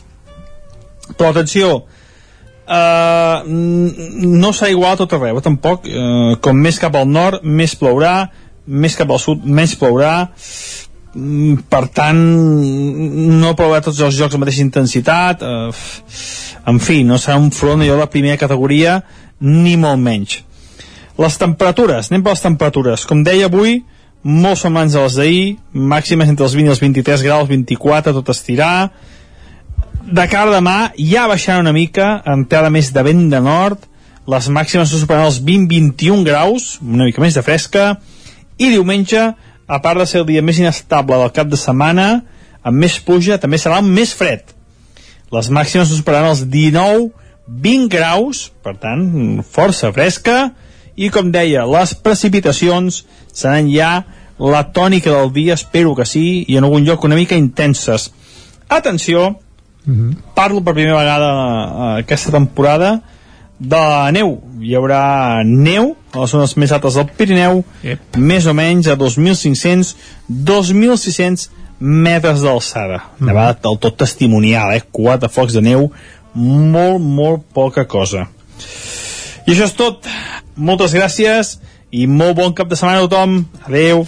Vinga, moltes gràcies a tu, Pep, i aviam, si dilluns ens llevem i veiem una enfarinada als pics més alts del Pirineu, seria un bon senyal, una bona manera d'arrencar aquesta tardor. Estarem al cas aviam. de la previsió d'en Pep d'aquest cap de setmana, perquè porta uns dies que, que cert, eh? sí, està decebudot, eh?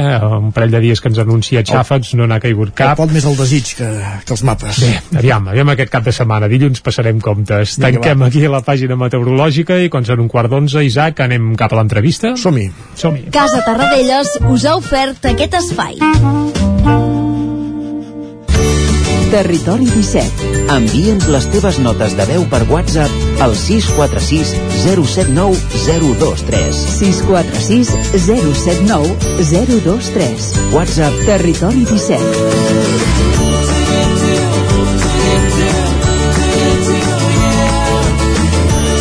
Territori 17 som a Facebook, Twitter i Instagram amb l'usuari Territori 17.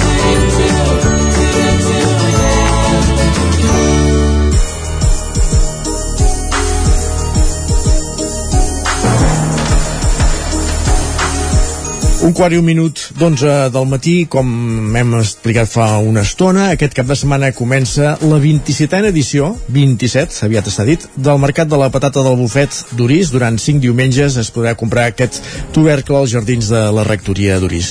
Per parlar una mica de la situació del mercat, de la patata del bufet, de com s'organitza aquesta edició, tenim a l'altra banda del fil telefònic en Josep Sol de Vila, que és un dels productors de patata del bufet, un pagès i un dels impulsors d'aquest mercat, val a dir-ho Josep, bon dia.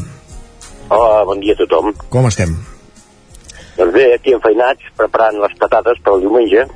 El que passa que ara sentia el meteoròleg i, bueno, eh, ja convé molt que plogui, eh, però podria ploure dilluns, però bé, eh, Exacte. no ens ho donen a triar, això. Però vaja, potser respecte al matí, que és l'important, no? Perquè el mercat... Ah, això. Que... Sí, a vegades, eh, bueno, aquest temps ja comença a ploure més tot el dia a l'estiu sol ploure les tardes, va, ho veurem, estarem... Malgrat tot estarem allà nosaltres, eh? O sigui, ha de, ha de fer una tormenta molt bèstia perquè no hi siguem, però avui no, no, estarem allà amb les patates, amb patates de bona qualitat, com sempre, i, bueno, eh, esperant que la gent vingui a comprar i, i fem un mercat ben animat i que la gent passi un matí agradable, com sempre que venen a Orís, és una excursió, bueno, doncs... Eh, Diferent, no? Eh, llavors, sí, sí, sí. Com dèiem, 27a edició, eh, recupereu la certa normalitat després d'un any a mig gaix l'any passat per la pandèmia, oi?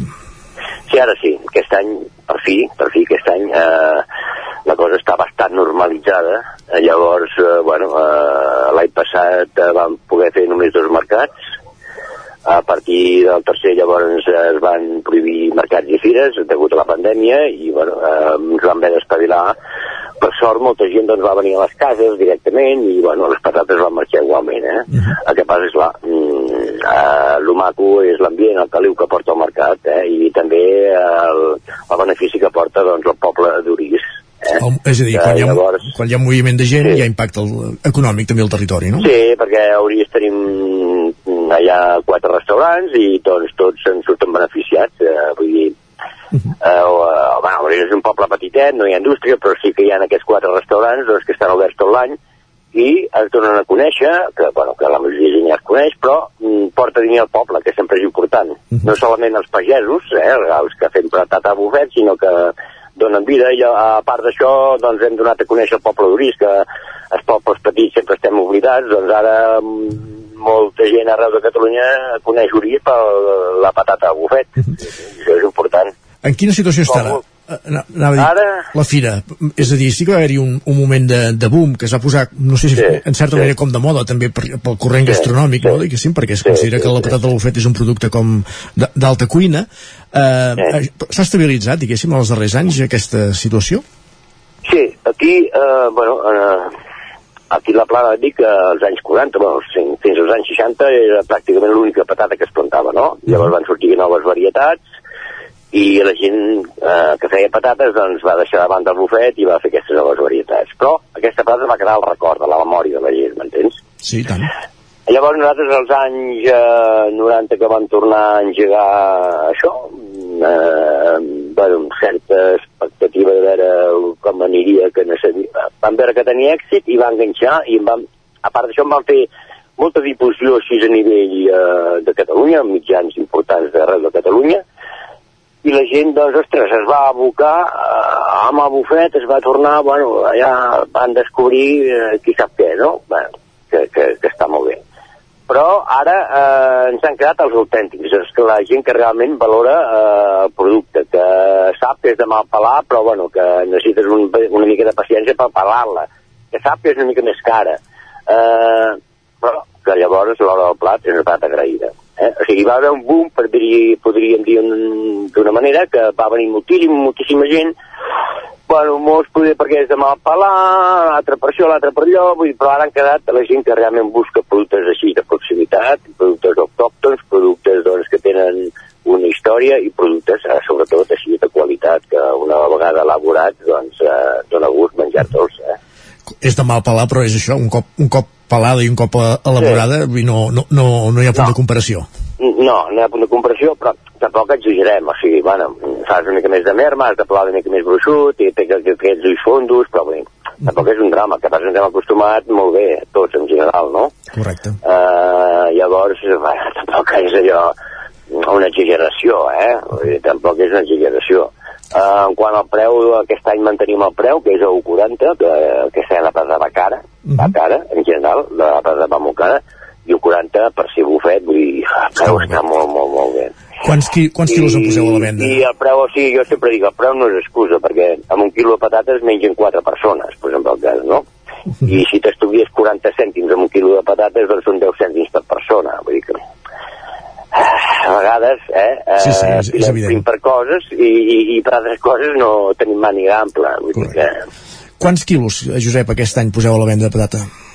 Uh, va, aproximadament uns 15.000 quilos. Eh? Tot depèn llavors de les mermes que hi hagin, perquè aquesta patata, a part de que rendeix menys al camp, o sigui, tu plantes un, pla, un camp de canabec o un camp de bufet, i de, de, de canabec cuix el doble, pràcticament. Per això va més cara la patata bufet, eh? per això va més cara, no perquè sigui més bona, sinó perquè rendeix menys. Doncs a part d'això, eh, aquesta planta és més delicada, Eh, nosaltres ja procurem arrencar un mes abans del mercat i tenim les patates al magatzem. Uh -huh. Perquè la patata fa el procés i si alguna s'ha de podrir que es podreixi a casa al magatzem, m'entens? Llavors quan els portem al mercat ja tenen bastantes, eh, bueno, ja aquella patata ha fet aquell procés, ha reposat, però vull dir, mm, eh, és molt més delicada al medi, al medi a la calor, a tot. Vull dir, una patata que necessita més paciència per controlar-la, eh? més paciència i més feina, sí, sí. Uh, fins quan hi ha estoc? Perquè ara és això, el mercat es fa durant els 5 diumenges d'octubre, sí. però entenc que mm, qui vulgui repetir o qui no hagi sigut de temps encara es pot, pot venir a buscar Sí, sí, sí, jo llavors tot depèn com vaig al mercat, eh, evidentment, eh, si el mercat és alegre i de gent, doncs eh, l'estoc dura menys, eh, llavors, eh, però normalment quan s'acaba el mercat sempre encara queda patata, uh -huh. llavors molta gent eh, aprofita per venir a les cases, eh?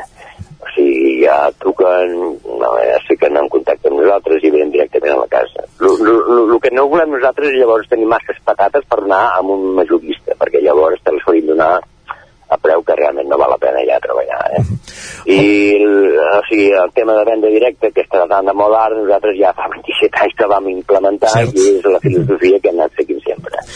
Abans comentaves els, els quatre restaurants que hi ha a Orís, eh, que això que també se'ls dona vida, ells també treballen la patata al bufet, a les seves receptes. Sí, eh, sí, sí, sí, sí. A, abans d'aquests quatre restaurants es distribueixen altres restaurants de la comarca aquest tipus de patata fins quan és temporada? Uh, la, la nostra no. No? Val. Uh -huh. No, nosaltres, o sigui, que jo sàpiga, eh, que jo sàpiga, eh? Vull dir, jo personalment no, eh, eh, llavors, eh, bueno, aquí, bueno, sí, ben planes bones, ben Sí. planes bones, ell sí que, doncs, distribueix a restaurants, sí, sí. D'acord. I fins quan això és? Perquè ell, com que es diu el tema de la fruita, la verdura i així, llavors aprofita, sí, per, uh però no et sabria dir ara, però ell sí, sí, no, evidentment sí. Ara, els tres pagesos que són turis, llavors, eh, com que ja, en, en, o sigui, ara ens hem limitat a fer la producció que puguem vendre, saps? Que no tinguem excedents. Eh, Llavors, eh, bueno, ja és en particulars, majoritàriament en particulars. Aquesta època parlàvem abans d'aquest boom que hi va haver del bufet, venien sí. molts botiguers d'arreu, eh, vull dir, majoristes de tot, vull dir, tot això eh, s'ha calmat una mica, eh? Tot això s'ha calmat una mica. O sigui, la, la venda és molt a particulars, eh? Molt a particulars. Perfecte.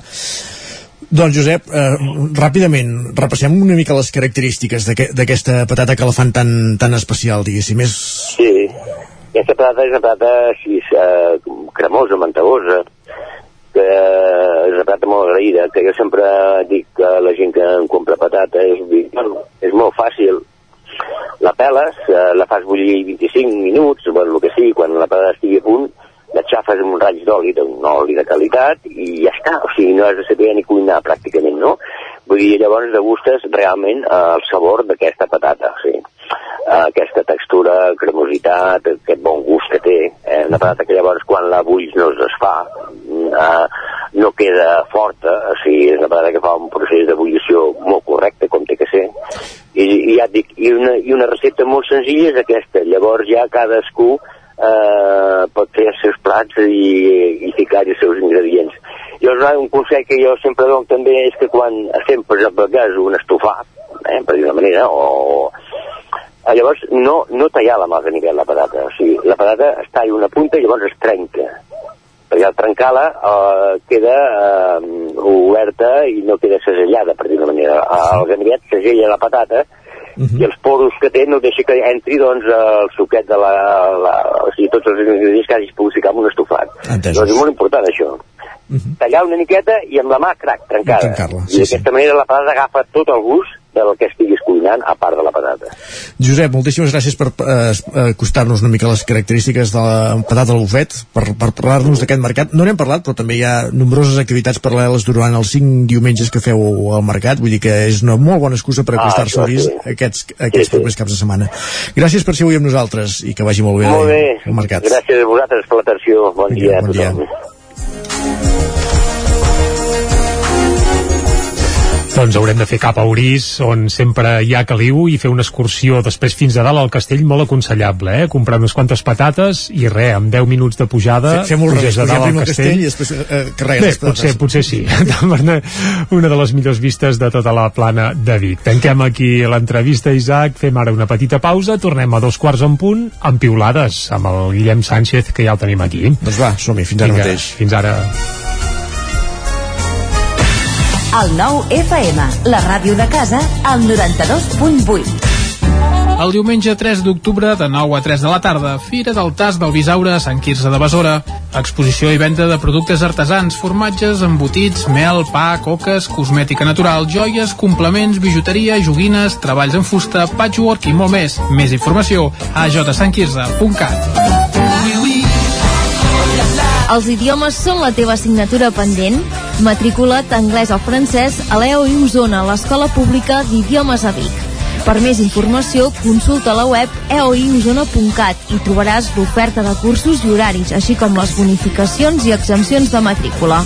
També ens pots trucar al 93 889 3830 a partir de l'1 de setembre. Mudances a la carta. Som especialistes en muntatge i desmuntatge de mobles. Oferim servei de guardamobles i fem mudances a tot el territori. Trasllats de pianos i peces delicades i també fem embalatge i protegim. Mudances a la carta. Serveis adaptats a cada client. Ens trobaràs al telèfon 605 04 34 75. OBS, la marca de moda líder a Itàlia, arriba a Vic amb la col·lecció per nens fins a 15 anys. Vesteix els petits amb roba OBS, peces fabricades amb cotó orgànic pensades especialment per la pell dels infants. El cotó orgànic d'OBS està cultivat sense pesticides i amb un impacte reduït en el medi ambient. OBS, des d'Itàlia per tu, al carrer Argenters 20 de Vic. Hi ha sensacions que són úniques. Aquell bany relaxant, mirar per la finestra quan plou i com les calderes Bailand, que li ofereixen fins a 15 anys de cobertura total amb el servei tècnic oficial Bailand. Informis a Oficiat Nord trucant al 93 886 0040. Amb el servei tècnic oficial de Bailand, la seva caldera estarà en les millors mans. Cobertes serveis funeraris. Els nostres tanatoris estan ubicats en els nuclis urbans més poblats de la comarca d'Osona per oferir un millor servei. Tanatori de Vic, Tanatori de Manlleu, Tanatori de Centelles i Tanatori de Roda de Ter. Sabem que són moments difícils i per això el nostre compromís és atendre-us en tot moment amb un tracte humà, sensible i respectuós. Cobertes serveis funeraris. Telèfon 24 hores 93 883 23 46. Cocodril Club. Si t'agrada la bona música dels anys 60, 70 i 80, escolta el 9 FM els matins de dissabtes i diumenges d'11 a 1. És el temps del Cocodril Club, tot un clàssic de la ràdio, amb les bases del pop-rock, les llegendes, les cançons que s'han convertit en autèntics himnes. Recorda, dissabtes i diumenges al matí, d'11 a 1, al 9 FM 92.8. Cocodril Club, el programa revival de l'Albert Malla. Hasta luego, cocodrilo.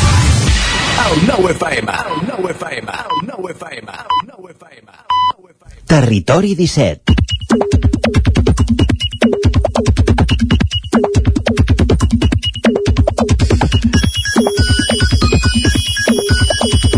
I a aquesta hora, com cada dia, al Territori 17, moment d'entrar a Twitter amb en, amb en Guillem Sánchez. Abans us farem un petit apunt, perquè a través del compte de Telegram del CDR Vic s'ha reivindicat una acció que hi ha hagut sobre la línia R3, sobre la línia de tren, Jordi.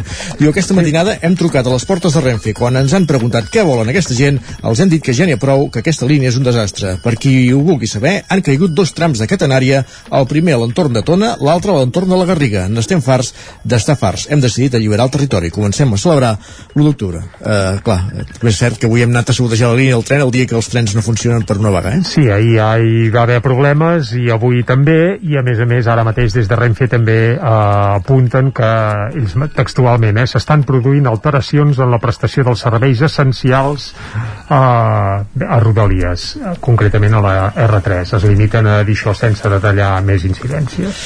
Molt bé, doncs Molt bé. dit això, Guillem Sánchez, bon dia. Bon dia. Què diu Twitter més enllà de... O no, no sé si més enllà, si també parla de, del tren Twitter. Segur que en parla, però clar, en Guillem sempre ens selecciona el bo i millor i no sé si hi ha trens o no, Guillem. Parla del tren i parla també d'aquest aniversari de l'1 d'octubre, que és la... la... Quart aniversari, el ja, com aniversari, passa la el temps, eh? Data i jornada nostàlgica, podríem dir, per als usuaris de les, de les xarxes. Per exemple, l'Albert, que diu conservo moltes imatges de l'1 d'octubre, però la que millor simbolitza la dignitat d'aquella jornada serà sempre aquesta senyora, i adjunta una fotografia, asseguda a les 5.52 del matí, ara farà exactament 4 anys, a la porta de l'Ajuntament del meu poble, esperant per poder votar. Per tant, imatges d'aquelles i records que queden a la, a la retina i al, i al cap de, de molta gent. També en el cas de la Marta, que diu les penjarem cada any i mil vegades si convé. Adjunta quatre foto fotografies i diu avui fa quatre anys que vaig dormir al que havia estat el meu institut amb la meva filla perquè la gent pogués votar i poder veure els meus avis de més de 95 anys entrant al col·legi electoral i votant ja va fer que tot valgués la pena per tant imatges d'aquelles que queden com dèiem a la retina i sobretot aquesta importància també de gent de totes les edats, filles, mares, pares avis i àvies compartint votacions, compartint jornada i compartint reivindicacions. Va ser molt transversal tota la jornada i evidentment ens quedarà gravada per sempre tots els que la van viure de, des de primera fila. també hi ha gent que li va tocar treballar en, aquell, en aquella jornada, Clar, Jordi. Nosaltres, però clar... Nosaltres, entre altres, i també la, la Marta, que diu fa 4 anys a aquesta hora estava buidant papereres i netejant els lavabos de la planta baixa de l'Ajuntament de Cardedeu perquè després d'entrar urnes i butlletes calia obrir el col·legi electoral amb tot a punt. No era un acte èpic, però convenia després d'una nit de vigilància comunitària. Mhm. I la Teresa ens llança una, una pregunta bé, de fet dues. Ens diu Bona nit, Piltrafilles. On éreu fa 4 anys i on sereu d'aquí a 4? Jo només tinc resposta per una de les dues preguntes. La Sí, o, avui dia, entre Covid, procés i tot plegat, saber on seràs d'aquí 4 anys és, és gairebé impossible. Sí. Però vaja, per provar-ho, que no quedi. Com dèiem ara, en qüestió de transport i en aquest cas de carreteres, la Dolla ens llança un avís, diu demà, demà referint-se avui, baixo a sopar a Barcelona, aviso perquè agafo el cotxe i no us vull posar en perill. És d'aquesta classe de, de persones que saben que potser la conducció no és el seu fort o que el perill de les carreteres pot ser important si agafen el cotxe, per tant tothom està avisat que vulgui baixar a Barcelona més o menys a l'hora de, de sopar que no es trobi amb la, amb la dolla a la, a la carretera. Hi ha una opció que és no agafar el cotxe. També, però avui amb la... I com una altra que és no anar a Barcelona no anar a Barcelona. avui, per exemple. Va, per començar bé el dia, una d'aquelles històries també de camí a l'escola que ens rescata en Martí. Diu l'Oriol, el seu fill, avui segur que farem pastetes al pati amb l'aigua de la pluja d'ahir. Tu a la feina també en faràs? I ara posa't a tramitar un contracte menor. Jo crec que pastetes al seu pare no en devia fer a, I a la feina. amb l'aigua de la pluja d'ahir, si no va ploure al territori 17. Algun lloc potser sí. Bé, potser algun racó es va escapar algun ruixadet. I li, res, I li respon l'Helena, diu, ja, ja, ja, a mi m'ha m'ha preguntat el seu fill o filla si podré fer la migdiada a la feina. No I sé tant. si... I recordem també que durant el cap de setmana Jordi i Isaac se celebra aquesta iniciativa del Benvinguts a, a Pagès, com estàvem dient. N'hem parlat, i tant. Però a vegades els que estan sobre el terreny potser veuen les coses d'una manera diferent en, i en aquest cas l'usuari Xai Ecològic ens recorda la consellera Nostrada es felicitava perquè durant el seu mandat la gran indústria alimentària d'exportació ha batut els rècords en facturació. Mentrestant la pagesia del país arrelada a la terra agonitza davant la seva indiferència. Benvinguts a Pagès, el Real.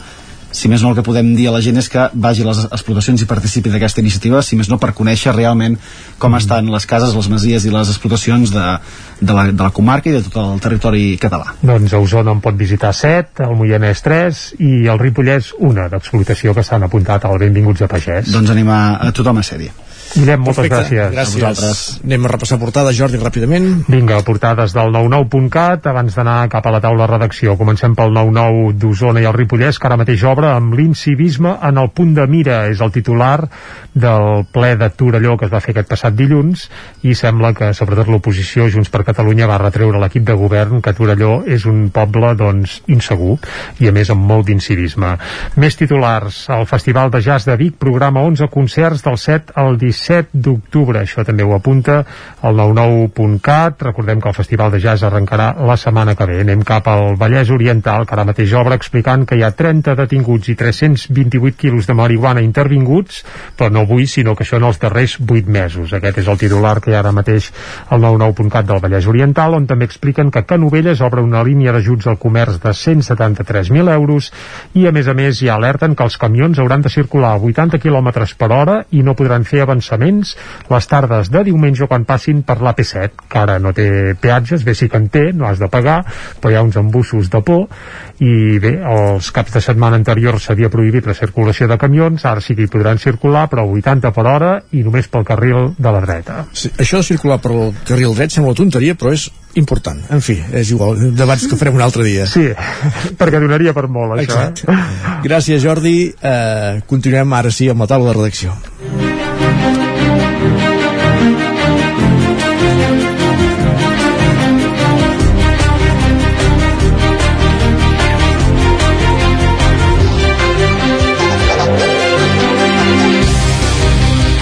I a la taula de redacció ens ha marxat en Guillem Sánchez, però ens arriben en Guillem Freixa i en Guillem Rico. Uh, Freixa, comencem per tu. Bon dia. Bon dia. Què tal? Bé, molt bé. I amb en Guillem Freixa el que volem fer és parlar de, del pantà de Sau, perquè hem vist tots imatges les darreres setmanes com baixava eh, de forma espectacular el nivell de l'aigua, però semblaria, Guillem, que no és només per la manca de pluja, no és només per la sequera, sinó que hi ha hagut altres elements afegits, diguéssim, que fan que, que ara mateix la, la imatge del pantà sigui la que és, oi? Sí, eh, exacte. Um, aquesta imatge del pantà de Sau, que és el gran indicador de, de la sequera, dels nivells de reserva d'aigua de, de tot Catalunya, pràcticament. Uh, es posa sempre com a exemple i com a imatge el pantà de Sau, perquè té aquest uh, campanar de Sant Romà que, que marca el nivell de- d'un embassament o, o de buidatge d'aquest embassament. Com bé dius, en les últimes setmanes el pantà de Sau ha anat baixant de nivell. És un dels llocs més fotografiats de la comarca d'Osona. Uh, a nosaltres aquí al, al 9-9 ens arriben un munt d'imatges pràcticament a diari de gent que hi passa i, i fa fotografies. Per tant, és fàcil veure com va evolucionant el nivell d'aigua en, aquest, en aquest punt. Nosaltres teníem constància a l'estiu, al mes de juliol, que el nivell era uh, elevat, que pràcticament el nivell d'aigua arribava a la punta del campanar de Sant Romà de Sau, perquè vam tractar temes vinculats a activitats d'oci en aquest punt i vam anar a fer fotografies i teníem aquest eh, registre que l'aigua arribava pràcticament a la taulada de, de Sant Romà. De fet, eh, l'ACA, les dades que ofereix l'ACA, eh, marca una punta d'emplenament de volum d'aigua en el pantà de Sau de 150 hectòmetres eh, cúbics a finals del mes de, de juny la capacitat total del pantà és de 165 hectòmetres cúbics per tant estava pràcticament al 90% a partir d'aquest moment, què ens mostra aquest gràfic d'evolució del volum d'aigua a Sau que ofereix eh, l'ACA? doncs eh, òbviament els episodis de pluja durant l'estiu no van ser abundants, el consum d'aigua, perquè s'abasteix aigua a l'àrea metropolitana des del pantà de, de Sau Susqueda al Pastral, perquè són aquests tres eh, aquests tres pantans que, que van un darrere l'altre. Tècnicament es parla sempre del sistema Sau Susqueda, eh? que Exacte. no és, no és només Sau, sinó que sí, controla l'aigua entre les, les uh. -huh. dues, tres preses, no? uh mhm. -huh. incloent el Pastral. Doncs ha anat baixant perquè el consum d'aigua eh, s'ha mantingut eh, estable i els episodis de pluja doncs, no han sigut abundants abundants durant l'estiu, però sí que és veritat que aquesta baixada eh, té un, un pic, té un repunt aquest mes de setembre en què baixa eh, molt de cop i això s'ha vist eh, d'una banda amb les dades que, que es, es baixa fins als 83 hectòmetres cúbics per tant a la meitat de la capacitat del pantà de Sau i amb les fotografies el campanar de Sant Romà que ha emergit de les aigües i pràcticament eh, en sobresurt la meitat d'aquest cloquer d'aquest eh, eh, campanar quins són els motius? Doncs els motius els trobem d'una banda eh, o principalment en aquest joc d'aigua que permet fer aquest aquest sistema entre Sau i Susqueda des de l'ACA ens expliquen que cada any a finals d'estiu, principis de tardor el que es fa és eh, deixar forat, incrementar el volum lliure als embassaments, és la, la, la paraula tècnica eh, que es fa per eh, preveure noves vingudes en una època plujosa com és la tardor. Qui li toca sempre més el rebre? A Sau, perquè és el, el pantà que rep les vingudes principals des de la capçalera del riu Ter. També hi ha un altre motiu, que és garantir la qualitat de l'aigua de, per a ús de boca, um, i ens diuen que això depèn del de, nivell que hi ha en cada pantà, uh, és un, un joc, diguem-ne, força complex i que ha de tenir uns nivells concrets a una banda i a una altra per agafar la làmina bona de l'aigua eh, òptima per, per portar a la ciutat. Aquest joc entre pantans, què ha comportat també? Doncs ha, port, ha comportat que es pogués treure el màxim profit aquesta força hidràulica i que es pogués generar electricitat a la central hidroelèctrica que hi ha a la presa de Sau en un moment en què recordem el preu de la llum eh, està pels núvols, crec que avui s'està marcant un nou rècord històric en aquest Correcte. mercat eh, majorista amb la peculiaritat que a Sau Susqueda, eh, quan es genera electricitat, es deixa anar aigua, passa per aquesta central hidroelèctrica i no es perd aquesta aigua, no es perd ni una gota, perquè queda frenada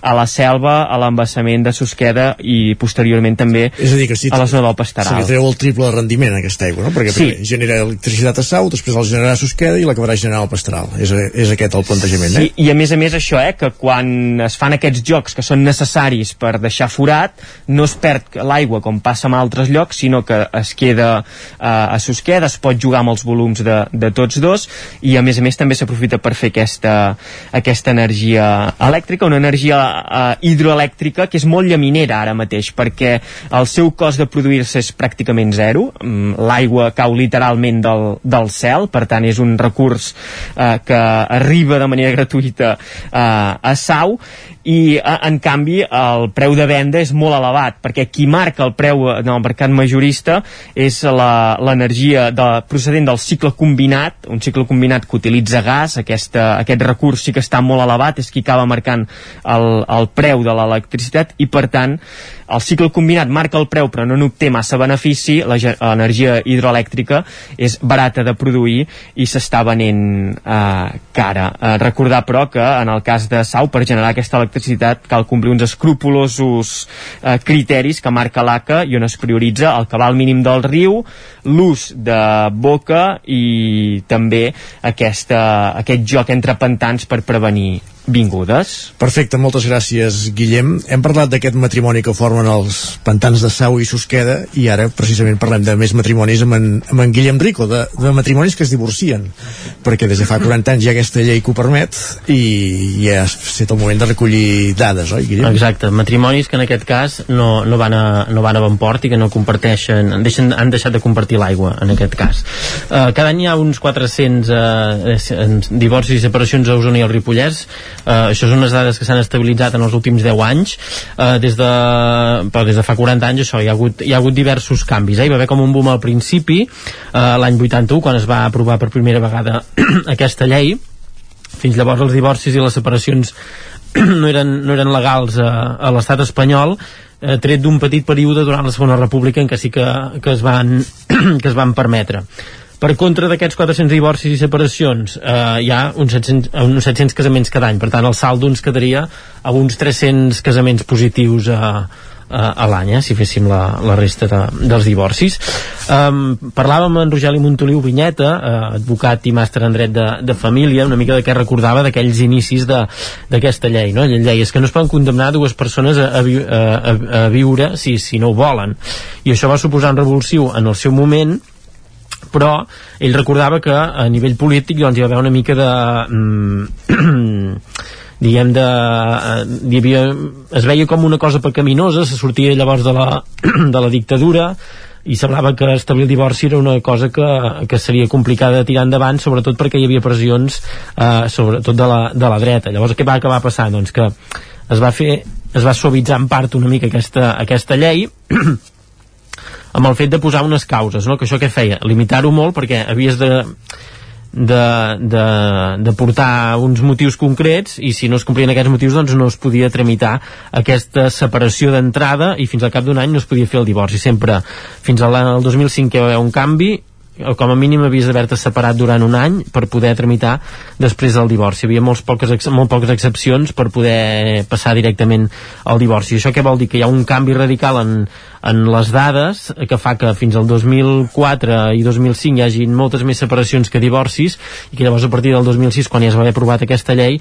doncs que s'intercanvien les, les línies diguem i que es disparin a, els divorcis um, i per això doncs hi ha, hi ha eh, bé, mm, sobretot el que es donen la, el pit més alt és en divorcis amb consens o de separacions amb consens abans, de, abans del 2005 què vol dir? Doncs que aquí les dues parts doncs, eh, arriben a un acord i, i es tira endavant el tràmit, l'altra banda doncs sí que ja acaba sent més complicat, sobretot ens deien els experts, doncs sobretot acaba sent el, el, el el conflicte eh, pel que fa a les custòdies dels fills, a les pensions que s'han de passar, etc.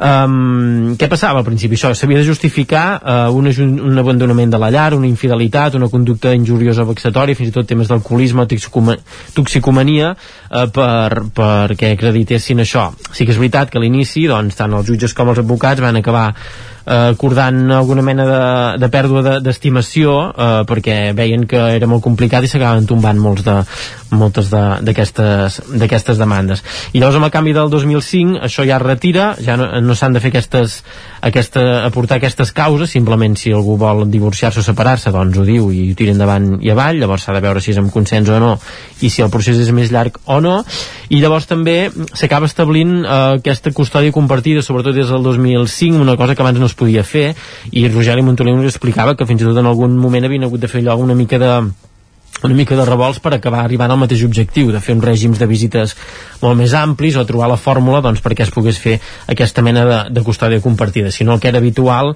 era que els fills quedessin amb, amb la mare i també mm, habitualment doncs, la, doncs la llar també quedava amb els fills. I també s'hi va incorporar posteriorment aquest pla de parentalitat això que ho aporta el Codi Civil de, de Catalunya en aquest cas perquè també es van anar regulant alguns aspectes, sobretot per això de la custòdia, que acabaven comportant conflictes al llarg dels anys, era fins i tot allò, eh, allò com viuran els fills, com s'ha de fer el canvi de custòdia dels fills, qui els ha de portar, on els ha de portar, com els han de portar, eh, com s'acorden com ha de ser l'educació dels fills, les tasques que s'ha d'assumir el pare i la mare, um, com s'han de comunicar els fills amb, si estan amb la mare uh, doncs com s'ha de comunicar amb el pare si hi ha alguna cosa uh, tot de detalls que llavors acaben portant aquests, aquests conflictes. I llavors també recordava això, que en el fons també s'ha acabat uh, regulant la, les separacions de, de parelles de fet o persones que no estan casades també per regularitzar totes aquestes coses.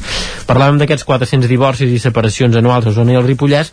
També s'ha de tenir en compte que les dades són així fins al 2019 i que el 2020 amb la pandèmia doncs hi va haver una mica de, de, de canvi, una caiguda de casos, per exemple en el cas del Partit Judicial de Vic, perquè això sí que les dades del Consell General del Poder Judicial ens les donen per Partit Judicial de Vic o el Partit Judicial de Ripoll, en el cas de Vic va ser de, del 21%, en el cas del Ripollès doncs la, les dades doncs, són bastant similars a, a, a l'any anterior. I aquesta caiguda del 21% també és una tònica general a la resta de, de Catalunya i podríem extrapolar-la també a, a la resta d'estat, però també eh, això, en aquest cas seria per, pel tema de la pandèmia l'evolució de, de les separacions i els divorcis a motiu d'aquest 40 aniversari de l'aplicació d'aquesta llei. Gràcies, Guillem Rico. Adéu, bon dia. Bon cap de setmana.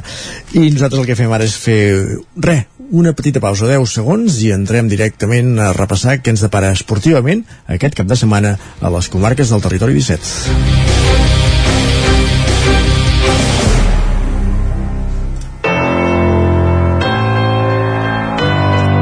Territori, Territori 17. 17. Territori 17.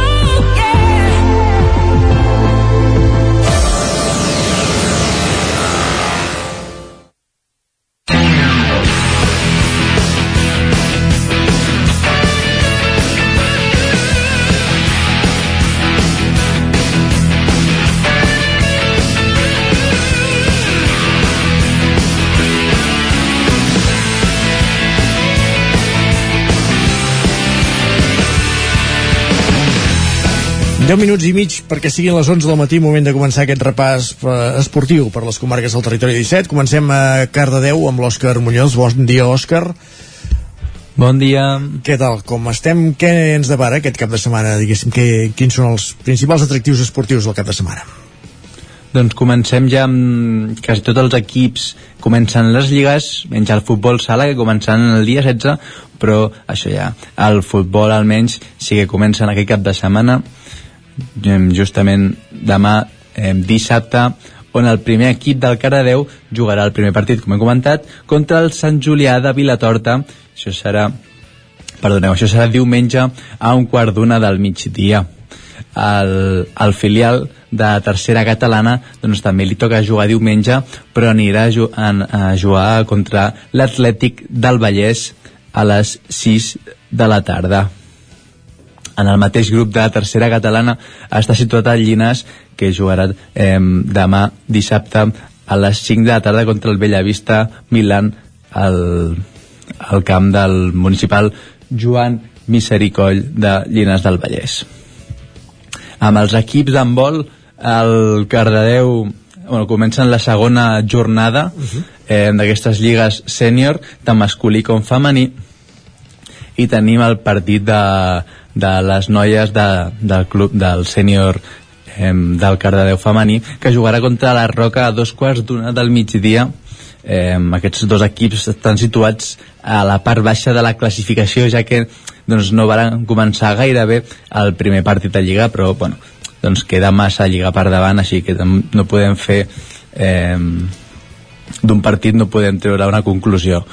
I això i el masculí, el sènior masculí eh, jugarà contra l'Embol Garbí eh, de Palafrugell dissabte a les 7 de la tarda i acabem amb els equips d'handbol de Granollers eh, amb l'equip masculí que va quedar eliminat d'Europa de, aquest dimarts així que no disputarà les fases de grup on tant volien eh, anar-hi sí. així que el, el Granollers jugarà eh, aquest cap de setmana contra el Frigoríficos del Morrazo em, Club Balomano Cangas a dos quarts de set de la tarda recordem que tot i anar malament a Europa ara van els tercers de la Soval amb un partit menys molt bé. i per acabar acabem amb les noies del CAC 7 Balomano Granollers que també jugaran fora eh, de casa, això serà a les 8 del vespre contra eh, el Atlético Guardés diumenge Perfecte, Òscar, moltíssimes gràcies. Que vagi bé el cap de setmana. A vosaltres. Anem fins a Sant Joan de les Abadesses amb l'Isaac Muntades a saber des del de, Ripollès, diguéssim, que són els enfrontaments més destacats d'aquestes properes hores. Isaac, bon dia. Bon dia, Isaac. Doncs mira, uh, si vols comencem pel futbol, anem al subgrup A de la segona catalana, perquè el Camprodon ha de començar a reaccionar, perquè després de dues derrotes consecutives en l'inici de Lliga, doncs necessiten una victòria per uh, aixecar una mica el vol. Uh, jugaran aquest diumenge els camprodonins a les 4 de la tarda contra el Comacross, que té 3 punts i ve de golejar 1 a 7 al llançar. El Camprodon és l'últim de la classificació i encara no ha puntuat després de perdre el darrer partit per 4 a 2 a Besalú, però una victòria doncs, els trauria de la zona baixa de la taula. I a la tercera catalana eh, també continuem amb, amb el futbol. La Badesenc vol sumar la primera victòria de la temporada aquest dissabte a les 6 de la tarda contra l'Atlètic Banyoles, que és cinquè amb 4 punts. Els Sant Joanins venen d'empatar a 0 al camp del Sant Pons i doncs tenen ganes de, de sumar aquesta primera victòria perquè recordem que encara doncs, no hi ha data per al partit que els ha d'enfrontar amb el Camp de Bànol uh, i bé, ara mateix el, el Badesenc uh, són tretzens a la taula amb un punt i un partit eh, suspès doncs, al descans, el que us comentava, contra el Camp de Bànol. Precisament, el Camp de Bànol ve de golejar el gironès eh, sàbat per 4-2, eh, jugaran doncs eh, mitja hora després de, que els Sant Joanins a dos quarts de set de la tarda contra el Vilablarets a domicili un equip, el Vilablarets, que és penúltim amb cap punt i dues derrotes, mentre que el Bànol doncs, suma 3 i està a la zona mitjana de la taula també en, en hoquei a la primera catalana el grup A, l'Hockey Club Ripoll visita la pista del Lloret B a les 12.50 del migdia de diumenge. Ara mateix els dos equips estan empatats a la classificació amb 3 punts, per tant que aconsegueixi la victòria superarà l'altre i depenent del resultat doncs, podria fins i tot acabar la jornada líder del grup i també comença la Lliga de Futbol Sala de Primera Nacional, eh, un inici molt complicat per l'Escola de Futbol Sala Servicat Ripoll, que s'enfronta al vigent campió, el Betània Patmos, a la pista d'aquest equip el dissabte a dos quarts de vuit del vespre. És un equip, ja ho hem dit, molt complicat i fins i tot, per tant, un empat seria eh, un bon resultat. Molt bé. Alguna altra disciplina? No, ja no tenim, uh, aquest cap de setmana no tenim res més aquí al Ripollès. Perfecte, Isaac, moltíssimes gràcies. A vosaltres. Parlem després uh, amb el repàs de l'agenda d'activitats de cap de setmana i mentrestant anem fins a Sant Feliu de Codines, a una codinenca amb la Caral Campàs. Caral, bon dia. Hola, bon dia que són els partits més interessants pels equips de, de Sant Feliu, de Caldes, tot l'entorn. Sí, doncs mireu, us començo, us parlo de futbol per primera vegada des de que vam començar el territori 17. En futbol 11, la Federació Catalana de Futbol doncs, enceta la primera jornada de la temporada. Al grup 6 de segona catalana tenim el primer equip d'Alcaldes, que s'enfronta al Torelló, que visita el Torelló aquest dissabte a les 4 de la tarda, i a tercera catalana, que és on tenim la majoria d'equips eh, doncs de la zona d'Ona Codinenca. Al grup 5 tenim eh, tres partits aquest de setmana.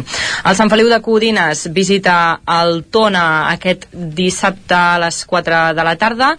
El Castellterçol també aquest dissabte s'enfronta al, al Mollà en un derbi una codinenca. Aquest partit Castellterçol-Mollà serà doncs dissabte demà dissabte a les 5 de la tarda. I el segon equip d'alcaldes s'enfronta visita l'Olímpic La Garriga també aquest dissabte a les 4 de la tarda. Això pel que fa al futbol. I pel que fa a l'hoquei, tenim el Sant Feliu de Codines que arriba a la final a 4 de la Lliga Catalana Plata. Eh, tenen molta il·lusió i ganes doncs, de donar la sorpresa. Jugaran aquest dissabte a les 11 contra el Sant Just i es jugaran el pas a la final de diumenge on els esperaran eh, el Barça B o l'Arenys de Munt. Després, el primer equip femení mm, d'hoquei del Vigas i Riells no disputen, descansen aquest cap de setmana i finalment, com ja us he comentat al butlletí, doncs el Voltregà i Alcaldes arriben aquest diumenge a les 4 de la tarda a la tercera jornada de Lliga. Uh, bé, sense conèixer cap dels dos encara la victòria, veurem com anirà i intentaran sumar els primers punts de la temporada els dos equips. Molt bé, parlem d'hoquei ara, doncs. Sí, ja, està, ja, això- ja, ja, tot- ja estem, per- perdona, és que, caral, és que No, tranquil, tranquil. Això, tot això pel que fa a l'hoquei, eh? El Sant Feliu, el, les Perfecte. noies del Vigues que no juguen i el Caldes que s'enfronta al, Voltregà. Molt bé, doncs ara sí, parlem d'hoquei, però des del punt de vista usonenc ha aquest derbi del territori 17 entre Alcaldes i el Voltregà, Esther Rovira, eh, bon dia. Bon dia, doncs sí, com bé deia la, la Caral, uh, un Voltregà que, que no coneix encara la, la victòria, va perdre a casa, això sí, de manera molt ajustada i al tram final del partit contra el Barça, uh, i la setmana passada va sortir golejat de la pista de l'Alcoi, per tant, necessitats de, de punts uh, en, aquest, en aquest duel que es disputarà diumenge a les 4 i 5 i que es podrà veure en directe per, per al Nou TV i les televisions de, de la xarxa, uh, partit uh, interessant, uh, com també ho serà el del Martinelli a Manlleu, que visita el corredor Mató Palafrugell eh, dissabte a les 8 del vespre i en el seu cas el que intentaran és aconseguir la tercera victòria de la temporada i seguir aquest ple de punts que, que porten en el seu esperat eh, retorn, el tercer intent de consolidar-se a l'hoquei Lliga eh, i que de moment ha començat de manera immillorable. Això pel que fa eh, a l'hoquei Lliga, eh, dir també que eh, en el cas de la Lliga Catalana Femenina eh, qui eh, jugarà aquest cap de setmana és el, el Voltregà eh, femení que rep el Girona dissabte a dos quarts de sis de, de la tarda i que serà el seu eh, primer eh, partit a la, a la competició mentre que el Manlleu visitarà aquest divendres a tres quarts de, de deu del vespre el, el Mataró, en aquest cas en el grup 2 de, de la competició. Uh, aquesta de, de pretemporada uh, per a una hoquei Lliga Femenina que recordem que no començarà fins al novembre, per tant uh, és important que vagin fent aquesta càrrega de, de partits als, als diferents conjunts. Um, parlem ara de, de futbol perquè és la gran novetat d'aquest cap de setmana que comencen la, la primera i la, i la segona catalanes amb un pilot de, de conjunts usonencs uh, això farà que hi hagi pràcticament un derbi cada cap de setmana usonenc en una categoria o en l'altra. Uh, en el cas de, de la primera aquest cap de setmana els que juguen a casa són el Vic Riu primer uh, que demà dissabte a les 4 de la tarda rebrà el Riera al, al Sant Boià mentre que el Manlleu jugarà també diumenge a les 5 de la tarda al Municipal contra el Canvi de Let i en canvi el Tona i el Vic eh, els toca debutar a fora. El Tona visita el Sant Feliuenc un dels uh, nouvinguts de la categoria després de, de baixar i un dels clars candidats a l'ascens per tant partit complicadíssim aquest de diumenge a les 5 de la, de la tarda mentre que el Vic visita el Sant Ildefons a un quart de dissabte a un quart de 6 de, de la tarda. Aquest doncs un equip en un camp petit dels que el Vic no hi està acostumat uh, però bé, uh, la categoria és complicada i veurem com els van les coses. A un Vic, un Manlleu i un Tona que són ambiciosos, que no uh, descarten mirar amunt, de fet és el seu objectiu aquesta temporada i un Vic Riu primer que ho afronta doncs, com una segona oportunitat a la, a la categoria després del seu debut històric la, la temporada passada. I en el cas de segona, doncs això comencen el GURB, el Sant Julià el Torelló, l'Oarvic i la novetat que és el, que és el Taradell, tots ells eh, a casa, tret del Sant Julià que visita el Cardedeu, eh, això en el cas de la segona, i un parell eh, de punts més de, de competicions esportives perquè aquest cap de setmana la, la comarca d'Osona eh, n'acull diver, di, diverses. Eh, sense oblidar tampoc que el Club Bàsquet Vic també comença aquest cap de setmana la, la Lliga EVA visitant el Sant Feliuenc dissabte a les 6 de la tarda amb diverses baixes com ja ha anat eh, arrossegant tota aquesta eh, pretemporada. Per tant veurem com, com funciona aquesta estrena. I això que deia, eh, un parell de punts de, de competicions que, que, es, que es fan aquí. Un és el rai típic eh, internacional Ciutat de, de Vic que es farà demà dissabte amb sortida de dos quarts de vuit de, del matí a la zona de, del Mas de, de Vigues amb, doncs això, amb els principals eh, genets de, de la modalitat i l'altre és el torneig internacional de tennis sub-16 Joan Mir de, de Torelló eh, que és en categoria cadet aquest cap de setmana es disputen el, el quadre final, avui quarts de final demà semifinals, diumenge finals uh -huh. i això, una competició que permet veure algunes de les promeses de la raqueta en categoria cadet i que amb els anys doncs, molts d'ells acaben arribant eh, als primers tornejos. tornejos exacte. Doncs moltíssimes gràcies, Esther. Que vagi bé. Bon cap de setmana. Acabem aquí aquest repàs eh, esportiu pel territori 17. Moment de recuperar l'aspecte informatiu. Doncs, com dèiem ara mateix, passen gairebé dos minuts de les 11 del matí. Territori 17, amb Isaac Moreno i Jordi Sunyer.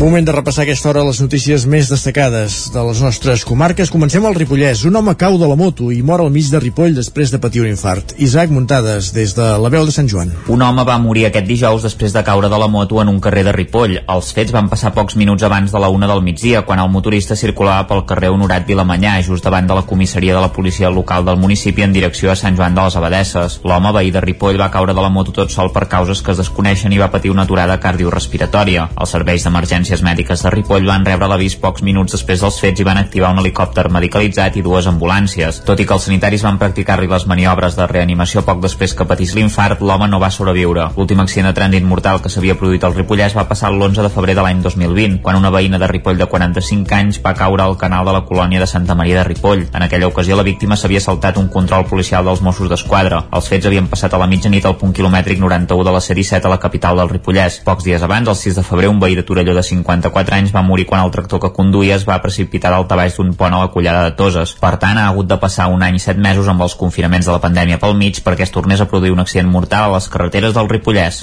Gràcies, Isaac. Un centenar de persones van acompanyar ahir Xevi Boigues davant les portes dels jutjats de Vic, on estava citat a declarar. Se l'acusa de pertinença a una organització terrorista. La Fiscalia va demanar una fiança de 1.000 euros per cadascun dels 13 acusats a l'operació Judes, un import que han de dipositar en un termini de 24 hores. Defensar la terra no és cap delicte, absolució detingudes 23S és el lema que es podia llegir a la pancarta que presidia la columna de persones que a primera hora del matí van sortir caminant des de Folgueroles fins als jutjats de Vic. Pels vols de tres quarts d'onze, ja a l'exterior de les dependències judicials, un centenar de persones rebien a Xevi Boigues, investigat en l'operació Judes i processat per pertinença a una organització terrorista. Entre aplaudiments, l'arribada del Folguerolenc no es va fer esperar. El centenar de persones que l'esperaven el van rebre amb crits de tots som Xevi i no estàs sol. Puntual a les 11 i acompanyat de la seva advocada, Boigues va accedir a l'interior de l'edifici. Només un quart d'hora després, i després d'acollir-se al dret a no declarar, va tornar a sortir. Montserrat Vinyets és l'advocada de Boigues. Aquí la peça clara en relació a aquest auto de processament eh, no tenim res que declarar perquè és tan, eh, és tan fora assenyat i fora de lloc que no, no podem mm, entrar a, a fer cap tipus de consideració sinó que en qualsevol cas eh, quan parlem ho farem en el, en el moment del, del judici oral a les portes dels jutjats, Vinyets va denunciar l'existència de procediments de la causa que a dia d'avui encara són secrets, un fet que, segons la lletrada, vulnera directament el dret a defensa de les persones encausades. De cara al judici, que segons Vinyets no se celebrarà fins d'aquí a uns mesos, l'objectiu és desmuntar el relat de l'Audiència Nacional.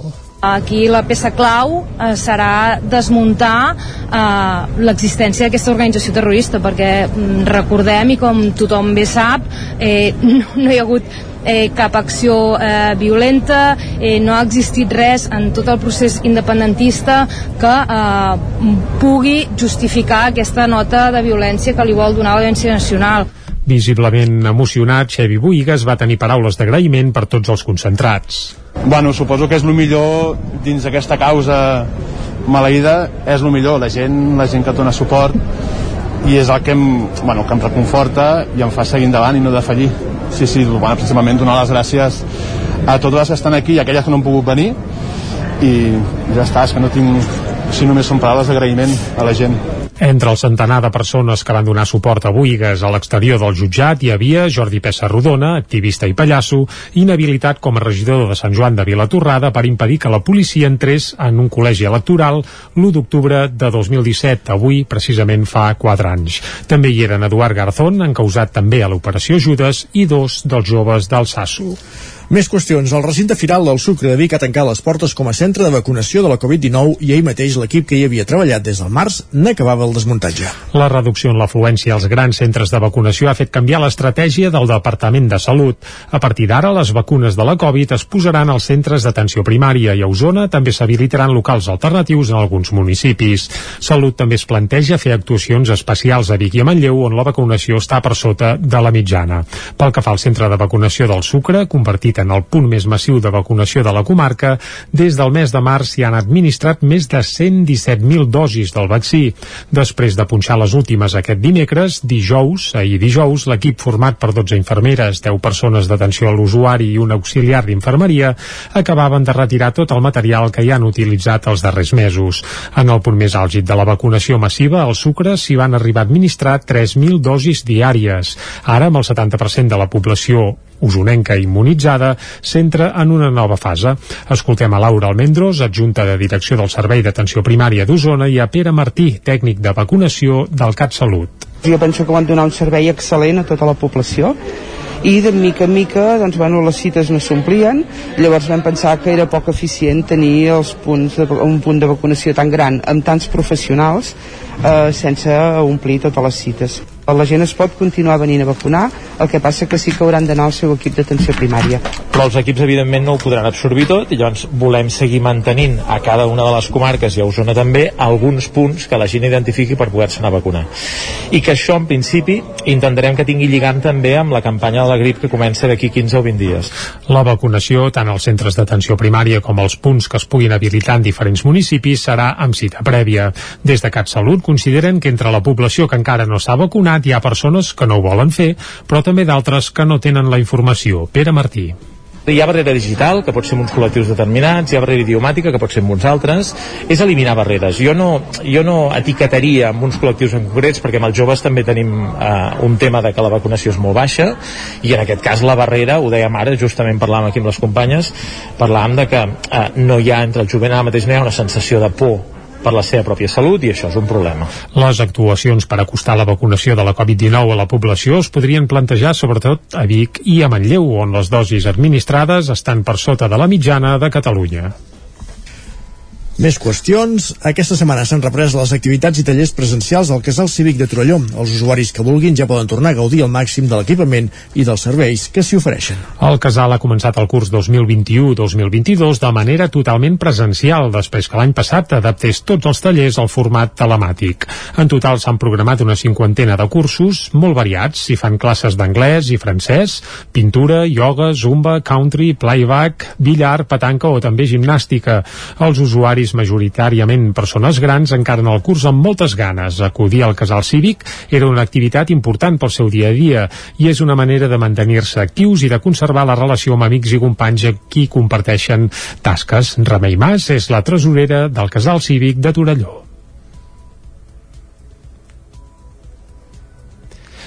Sí, sembla que no tenim la Remei Mas, eh, que és, com dèiem, la tresorera del casal cívic de Torelló, que explicava... Trobava els... faltar molt, perquè quan Ara sí, aquí veies tot buit, eh, era una sensació que no agradava. I en canvi ara amb l'activitat, doncs, ja és eh, una alegria, que estem molt contents de poder reanudar una altra vegada. Les activitats que es fan al casal cívic de Torelló estan obertes tant a joves com a persones grans. Esther Camps és una de les alumnes que hi acudeixen. La pandèmia ens ho va parar tot i ara que hem tornat a començar, doncs bueno, ja ens veus, aquí ens tens, molt bon ambient, amb una bona professora i aquí estem. Des de la Junta del Casal Cívic de Torelló esperen que les activitats es puguin desenvolupar amb la màxima normalitat, respectant les mesures Covid en tot moment. Alhora estan molt satisfets d'haver pogut reprendre classes perquè així es torna a donar vida a l'equipament. I de Torelló a Canovelles, que engega motors per la temporada de Nadal amb l'inici dels assajos dels pastorets de la Comissió Sant Antoni Abat, un dels pocs que es van fer l'any passat amb la, per la pandèmia, durant la pandèmia. Núria Lázaro, de Ràdio Televisió de Cardedeu. Fa més de 25 anys que els pastorets de Canovelles pujan a l'escenari per Nadal. Des de fa dos anys, però, han canviat el text de Folk i Torres per un de propi, un text on es representa el bé i el mal, l'origen de l'univers i la història de Canovelles. En aquesta adaptació trobarem a Lucifer, a Satanàs, els set pecats capitals i a Lluquet i Rovelló, però no trobarem ni a Josep ni Maria ni a la Isabeló. Amb la pandèmia, els pastorets de Canovelles van haver de reduir el grup d'actors i actrius, tots ells amateurs i rebaixar-lo fins a 25, comptant també amb totes les persones que estan darrere de l'escenari. Aquest any, però, la normativa permet ser 45 persones. Marc Batxiller, director dels Pastorets de Canovelles. Nosaltres eh, aquest any tenim, tenim un problema que, bueno, més que un problema, crec que és comú a totes les associacions, que és després d'un any i mig, gairebé dos de, de pandèmia, ens hem quedat una mica coixos, ens falta una mica com reactivar-nos, la gent sembla que té una mica de por en, en trobar-nos en espais, Sí, seguim la normativa aquest any, per sort, el Procicat ens deixa fins a 45 persones, l'any passat eren 20, per tant, tenim aquestes 25 persones encara de marge que es poden vindre, poden apuntar i poden fer que, que puguem fer un grup de conviv- convivència de 45 persones, sempre seguint les nostres, tota la tot el que és la normativa Covid, tant del Procicat, de l'Ajuntament de Canovelles com nostra mateixa. Els assajos es fan cada dissabte de 5 a 7 de la tarda al campanar de Canovelles i totes les persones d'entre 0 i 1.000 anys poden apuntar-se a fer teatre amateur amb els pastorets de Canovelles. Gràcies, Núria. Quatre creacions elaborades a la pastisseria Àger de Mollà han estat distingides amb medalles de plata i bronze per l'Academy of Chocolate, un premi mundial que era el campàs des d'Ona Codinenca. Un petit establiment al centre de la capital del Moianès, regentat per Miquel Vinyoles, que és un dels set pastissers artesans que hi ha a tot Espanya que es fabriquen xocolata, han estat guardonats. Aquesta laboriositat acaba de ser reconeguda mundialment. al Campionat del món de fabricants artesans de xocolata, que convoca anualment l'Academy of Chocolate amb seu a Londres, quatre de les que elaboren a la pastisseria Àger han estat guardonades, dues amb medalla de plata i les altres dues amb medalles d'argent. Sentim Miquel Vinyoles. Que a més són projectes, la majoria, excepte la blanca, que es fa diferent, Mhm. la resta són projectes superxulos, perquè més intentem comprar cacau, anem a Amsterdam, coneixes l'agricultor, veus quin projecte hi ha al darrere, i les que han guanyat són de projectes molt macos. Amb medalla d'argent han estat distingides la Ecuador Hacienda Limón de 77% i també la Blanca Torrada. Les medalles de bronze les han guanyat amb la Venezuela Ocumare Aragua de 79% i la Sanzània de 74%. Miquel Vinyoles, barceloní de naixement, va escollir Mollà, el poble on estiuejava la seva dona, per obrir el passat 2008 la pastisseria Àger. Perfecte, moltes gràcies, Caral. Acabem aquí aquest repàs informatiu. Anem de seguida a la secció que ens ocupa cada divendres a partir d'un quart de dotze, que és la secció que dediquem als clàssics musicals, com sempre, en companyia de Jaume Espuny.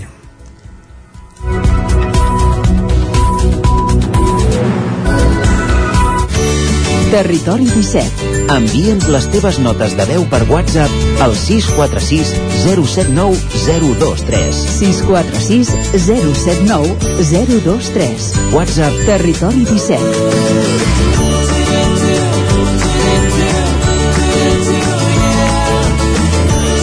Territori 17. Som a Facebook, Twitter i Instagram amb l'usuari Territori 17.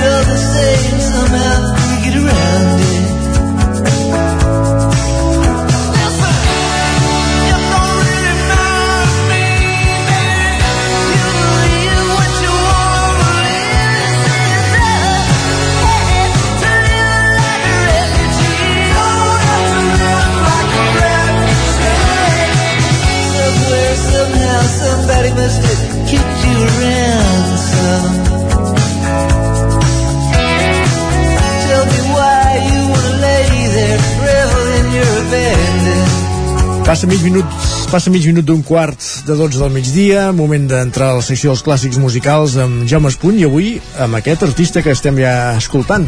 Com es diu, Jaume? Bon dia. Es diu Tom Petty mm. i avui és 1 d'octubre. També és cert. Fa 4 anys. D'aquell 1 d'octubre. D'aquell 1 d'octubre, sí, que no sé si encara si va significar una derrota o una victòria. Una victòria perquè van votar, una derrota perquè ens van pagar.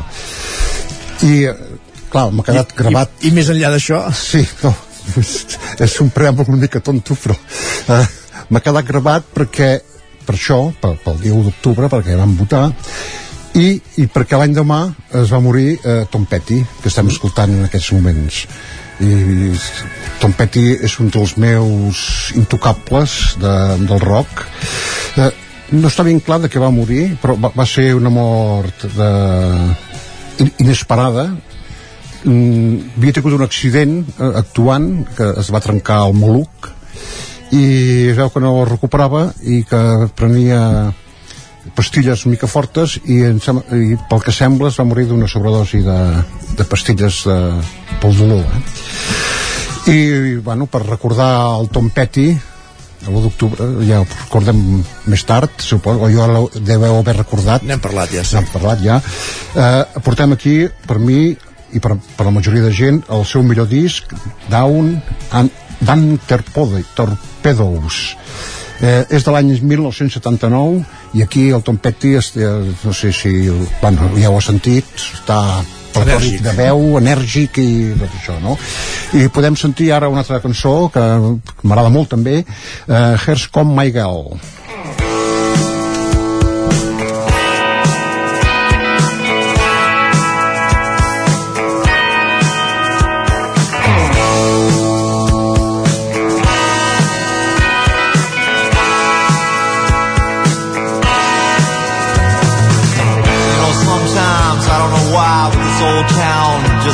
So hopeless. I ain't really sure, but it seems I remember the good times with just a little bit more in focus.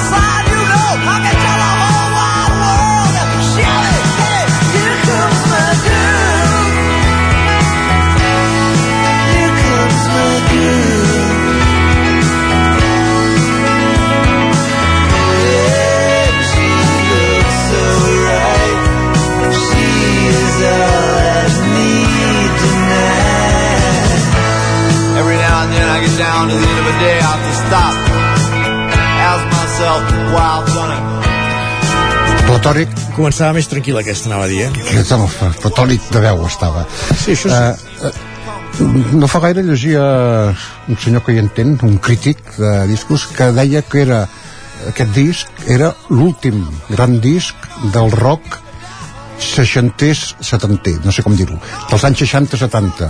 Eh, ja hi havia el punk, i estava a punt de començar als anys 80, mm, bueno, també hi havia la música disco, als anys 80 la New Wave, etc. Però el rock dels anys 60-70 aquest deia que era l'últim gran disc. Eh, és, és que de fet és una barreja una mica dels Beatles eh, dels vers, les veus aquestes tant tant eh, les guitarres dels Rolling Stones moltes vegades i, i les lletres que acostumen a ser unes lletres escarranoses el Tom Petty és un, és un escarranós eh, del Bob Dylan molt semblant no? Uh -huh. i el resultat Ho, ho tenia tots ho tenia, sí, sí, sí és, bueno eh, és, és això que eh, ell als anys 60 quan hi havia tota aquesta gent ell era un adolescent no? Clar. però eh, I es van empapant de es van empapant d'això sí. Què escoltem ara? ara escoltarem una que també m'agrada molt que es diu un nom molt estrany Don't Do Me Like That Said a woman that heard his cry Told him that she loved him so and Turn around and let him go. Then he said you better watch your step Or you're gonna get hurt yourself. Someone's gonna tell you lies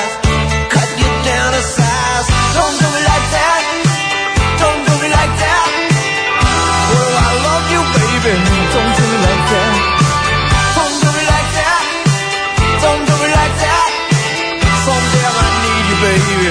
Don't do it like that. Listen, honey, can you see? Maybe you'll bury me if you were in a public eye. Give someone else a try. And you know you better watch your step, or you're gonna get hurt yourself. Someone's gonna tell you lies,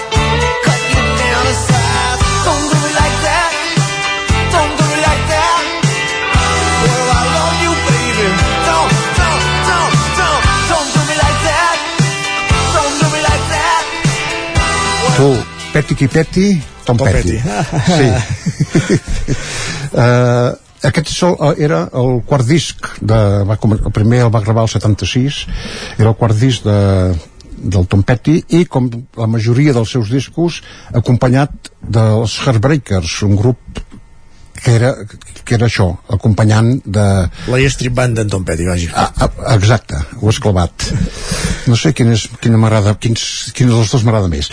Uh, i ell i el Bakers a part de, dels nombrosos discs que, que van gravar doncs s'han dedicat es, dedica, es van dedicar moltes vegades a ajudar entre cometes diríem a, a les velles glòries. O sigui per ret retornar o sigui, gent que havia desaparegut i tornaven I, vale, sí. i ells doncs eh, guitarra si s'havia de produir s'havia de produir el, els músics, etc.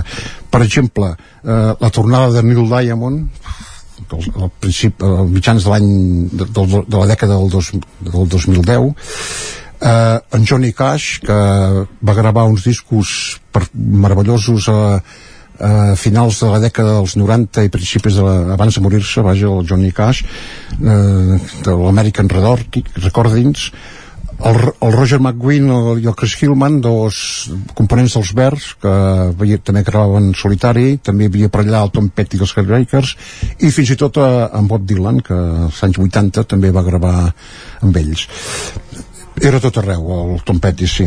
Molt bé. Ara, ara escoltarem una cançó que, que és, la, mac- la, és preciosa, que és més calmada, eh, que es diu Louisiana Rain. Well,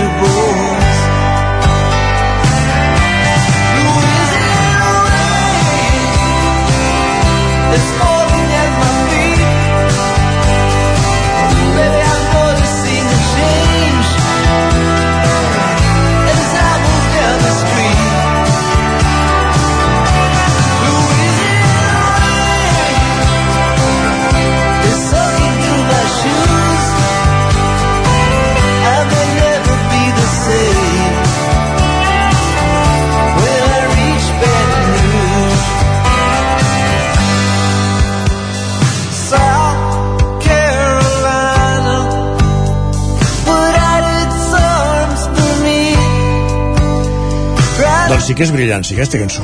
És maca. Molt. Sí. Sí, sí. I, tu, I molta gent que l'escolta per primera vegada, per primera vegada ja li agrada. Sí, sí, es posa, entra molt bé. És Plu, pluja de Louisiana, diríem. Jo, eh, mm, no, no s'hauria de fer conya amb els morts, però mm, sempre em faig una mica, sempre dic que el Tom Petty eh, va veure per allà la televisió de la manera que la policia espanyola pagava els catalans que anaven a votar i no va poder resistir i es va morir. Eh, no sé si és una mica negra, però, però és això. Eh, doncs, bueno, molt bé, aquest és eh, un, un disc del, dels meus preferits, a més a més. Té, té, se'l veu platòric. Sí. I ara podem Acabem amb marxar cançó? sí, amb aquesta You Tell Me. Doncs amb You Tell Me de Tom Petty i els Heartbreakers. Moltíssimes gràcies, Jaume Espuny. Fins la setmana que ve. Per portar-nos aquest disc al dam de Torpedo, Torpedois de Tom Petty. Fins la setmana que ve. Molt bé, gràcies.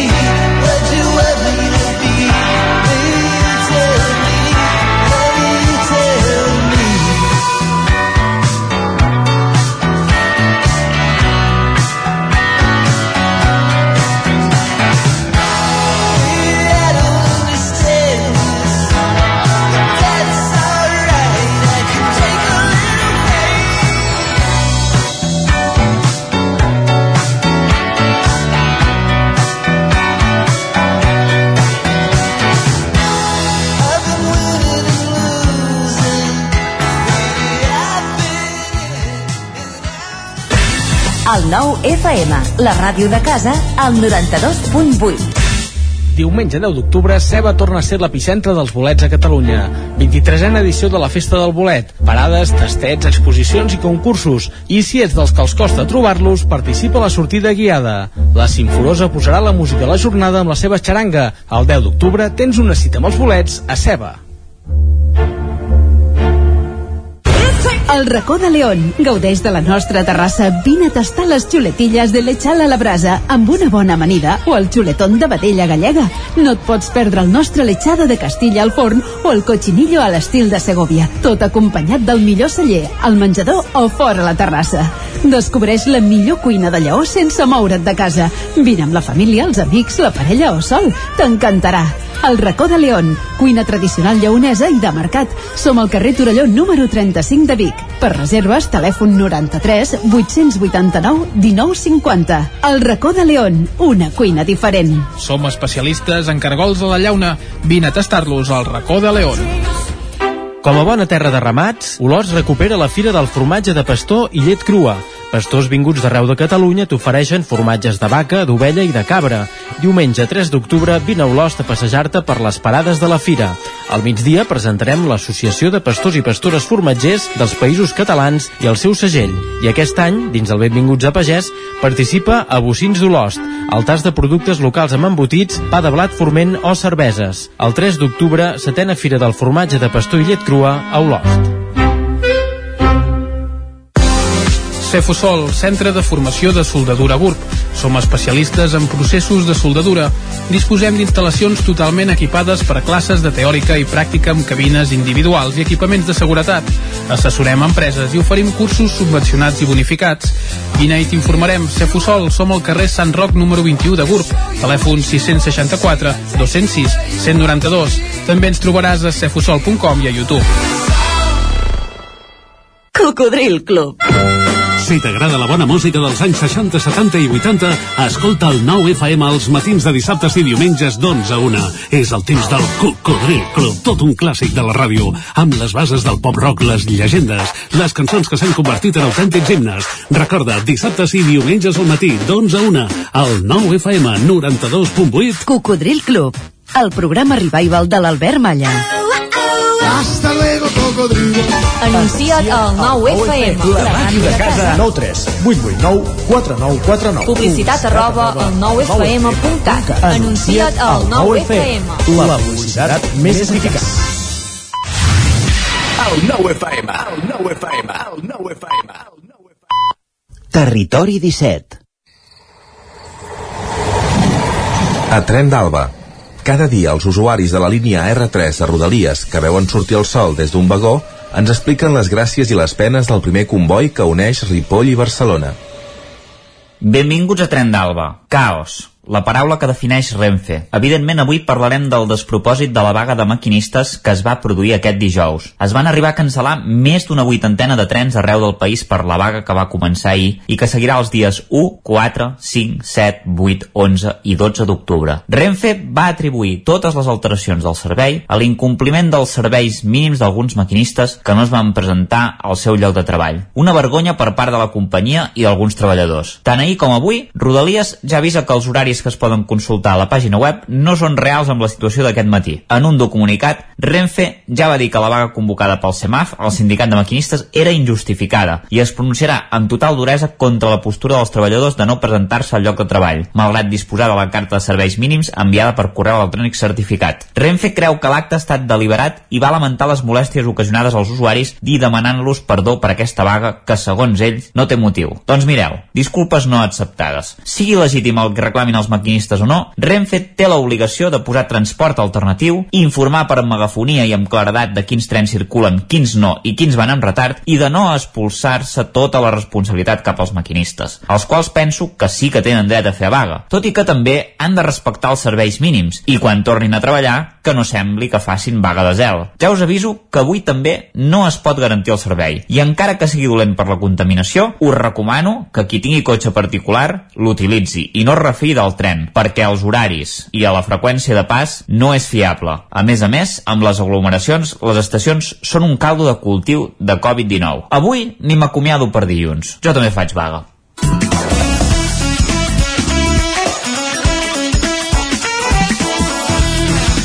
Molt bé, muntades. Fes la vaga que vulguis, però aquí de minuts et volem aquí eh, per fer el repàs de l'agenda de cap de setmana al Ripollès.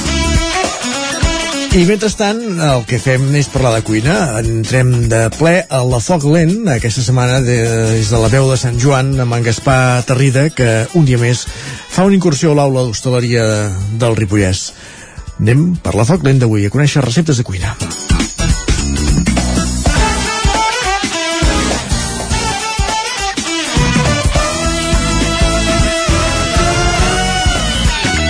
Som aquí a l'aula d'hostaleria del Ripollès, contents de tornar a participar una temporada més en la secció a foc lent.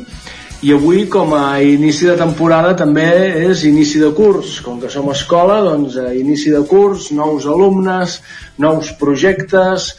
I estem avui per parlar tenim doncs en Sergi Bonsoms eh, cap del Departament de Cuina aquí a l'Institut de Oliva i com sempre en David Sangles professor especialista a l'aula i bueno, bon dia a tots dos bon dia Bon dia. i llavors el que us haig de demanar és això, nou curs, nou inici i com ja m'heu explicat, nous projectes. Quins són aquests, Sergi? Sí, nous currículums, ja que des del departament eh, nosaltres cada any el que fèiem era realitzar un projecte, que de síntesi, que fins ara per tema d'ho- d'hores eh, es concentrava tot a fer un projecte final que era la realització d'un restaurant però era tot molt més el tema de- d'escriptura, saps?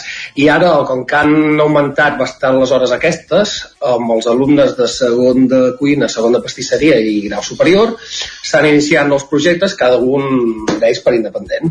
Mhm. I, I explica'ns algun d'aquests projectes. Bueno, en David també ha participat i pot intervenir quan vulgui en el disseny d'aquests projectes. Sí, mira, uh, comento una mica, per exemple, el que re- realitzarem amb els de grau superior, Uh -huh. que la idea és treballar amb diferents productes eh, temporalitzats menalment o cada 15 dies, depenent de, del ventall que puguem donar-hi, diferents productes que estan introduïts dins la marca R, marca R de producte del Ripollès, i el que farem serà realitzar receptes amb una foto cada una d'elles, amb, amb una explicació del productor que, que l'ofereix, per al final de curs mirar d'editar una mica del llibre. Molt bé, molt bé. Sí, això acabarà sent un llibre. La idea és que a final de curs això acabi, el resultat sigui un llibre material que... Molt bé. O sigui, aquí... vull dir que, que, que si no volen esperar a que el llibre sigui editat, poden anar venint quan obrim el servei de menjador a tastar aquestes receptes, ja que les trobareu cada setmana en el, en el menú degustació que oferirem a l'aula.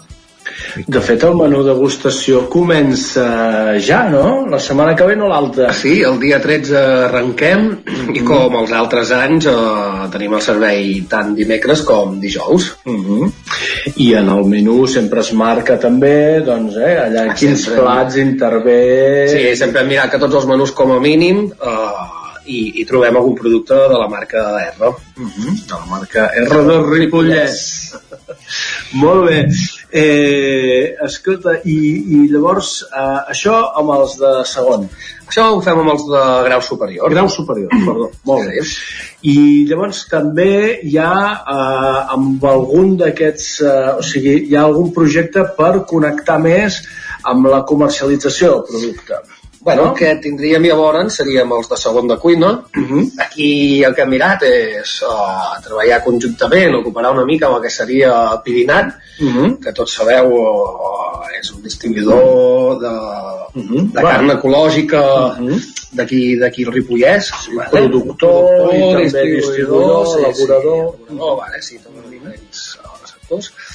I el que farem serà amb, amb alguns productes que potser, clar, nosaltres sabem que l'entrecot és un producte que, que de bones a primeres ja té tirada i ja surt sense, sense cap tipus d'ajuda. Mhm. O potser hi ha algun producte que, que en el tema de la venda costa una mica més a l'hora de sortir, per diferents motius, no, no té res a veure ni qualitat ni res, sinó per X motius, el que farem serà mirar d'anar treballant diferents receptes amb el producte aquest per llavors escollir-ne alguna i que en els supermercats al costat d'aquest producte puguis trobar un díptic amb una explicació d'una recepta de com poder-lo cuinar. Molt bé, molt bé.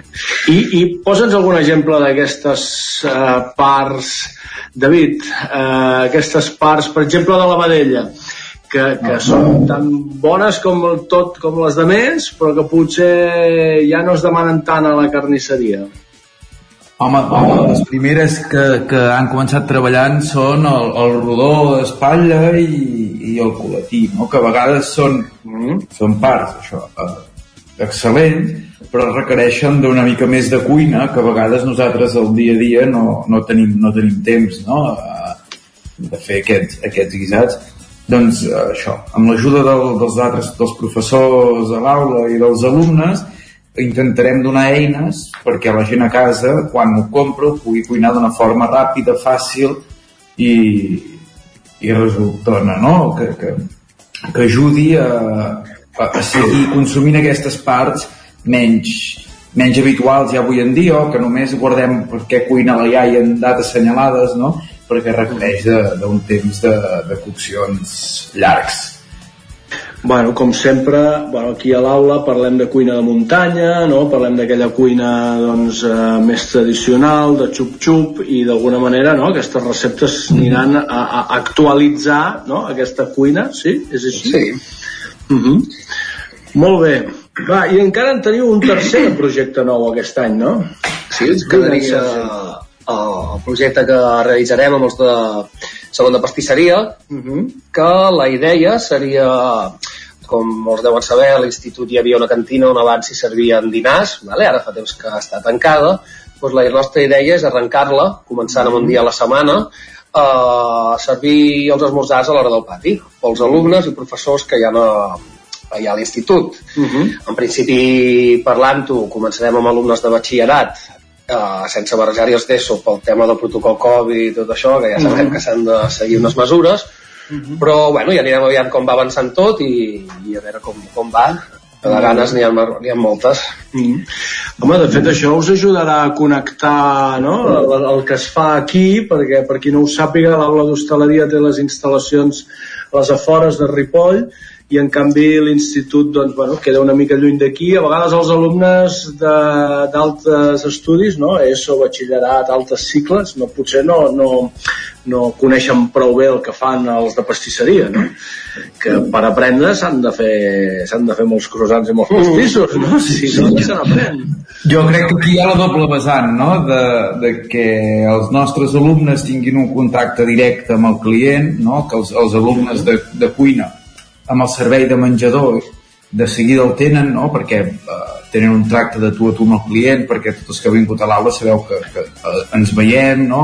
Quan cuinem i passem a, a dir-vos aviam què us ha semblat però en canvi els alumnes de pastisseria queden més tancats a, a l'obrador i poder no tenen tant aquest retorn de, de què el, el públic final què opina de, dels seus productes i és una manera jo crec que, que els altres propis alumnes doncs, eh, hi diguin la seva i també de què valorin eh, aquest ofici no? a vegades els oficis de pastisseria i el de cuina tot i que han millorat eh, en els últims anys però segueix sent allò doncs va que hi vagi aquest nano que no vol estudiar doncs que vagi a fer pastissos i, i no, al final és un ofici eh, com qualsevol altre i, i, i complexa no? Que, que també està bé que els alumnes de batxillerat i la resta d'alumnes de l'institut en siguin, en siguin conscients.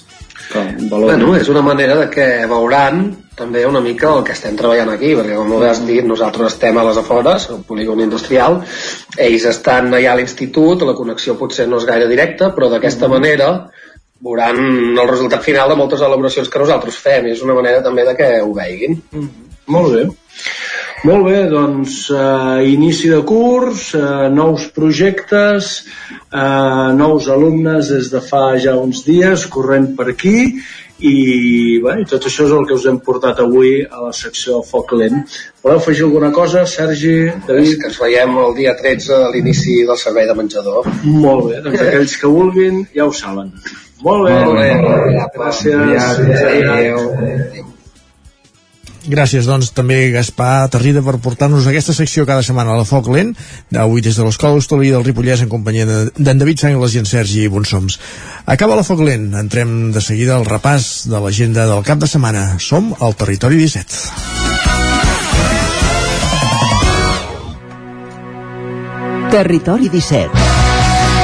El 9 FM, la veu de Sant Joan, Ona Codinenca, Ràdio Cardedeu, Territori 17.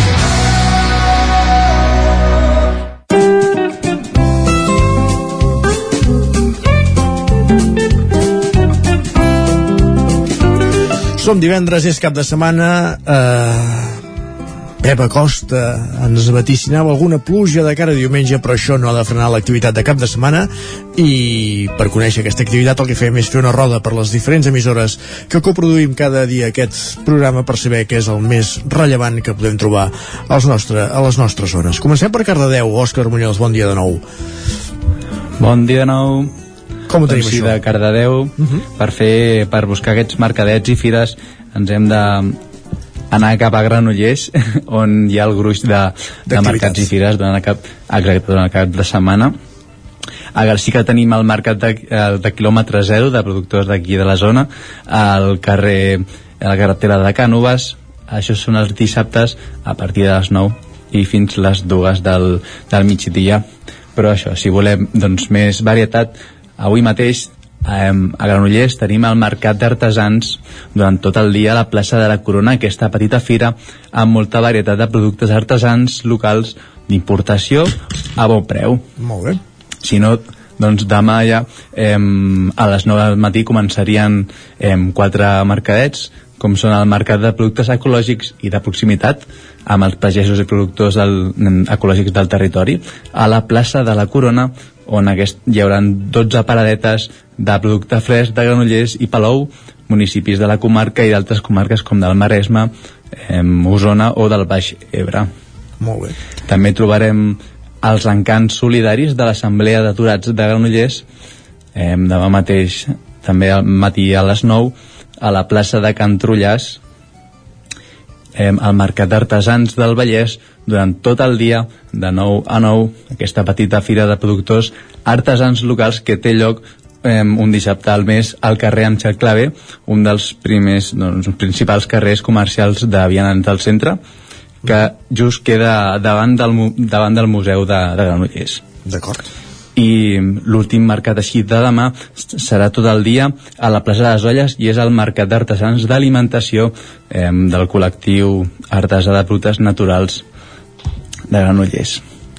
I acabem, doncs, diumenge, durant tot el matí, de 9 a 2, amb el mercat de segona mà de les associacions de, de veïns de, del barri de l'Hostal i serà més concretament a la, al Parc del Llardoner allà hi serà doncs, ubicat aquest mercat de segona mà. Perfecte, doncs Òscar, bon cap de setmana, moltíssimes gràcies. A vosaltres. Anem cap a Sant Feliu de Codina, zona codinenca. Caral Campàs, com estem? Hola, bon dia. Doncs molt bé. Si us sembla, començo aquest repàs amb un apunt cultural. Endavant.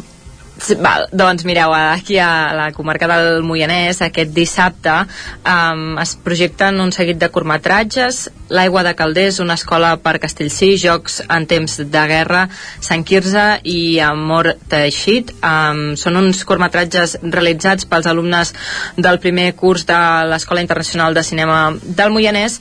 I bé, aquesta presentació d'aquesta gira comarcal es farà aquest dissabte a les 8 del vespre al pati de l'Escola Pia de Moià.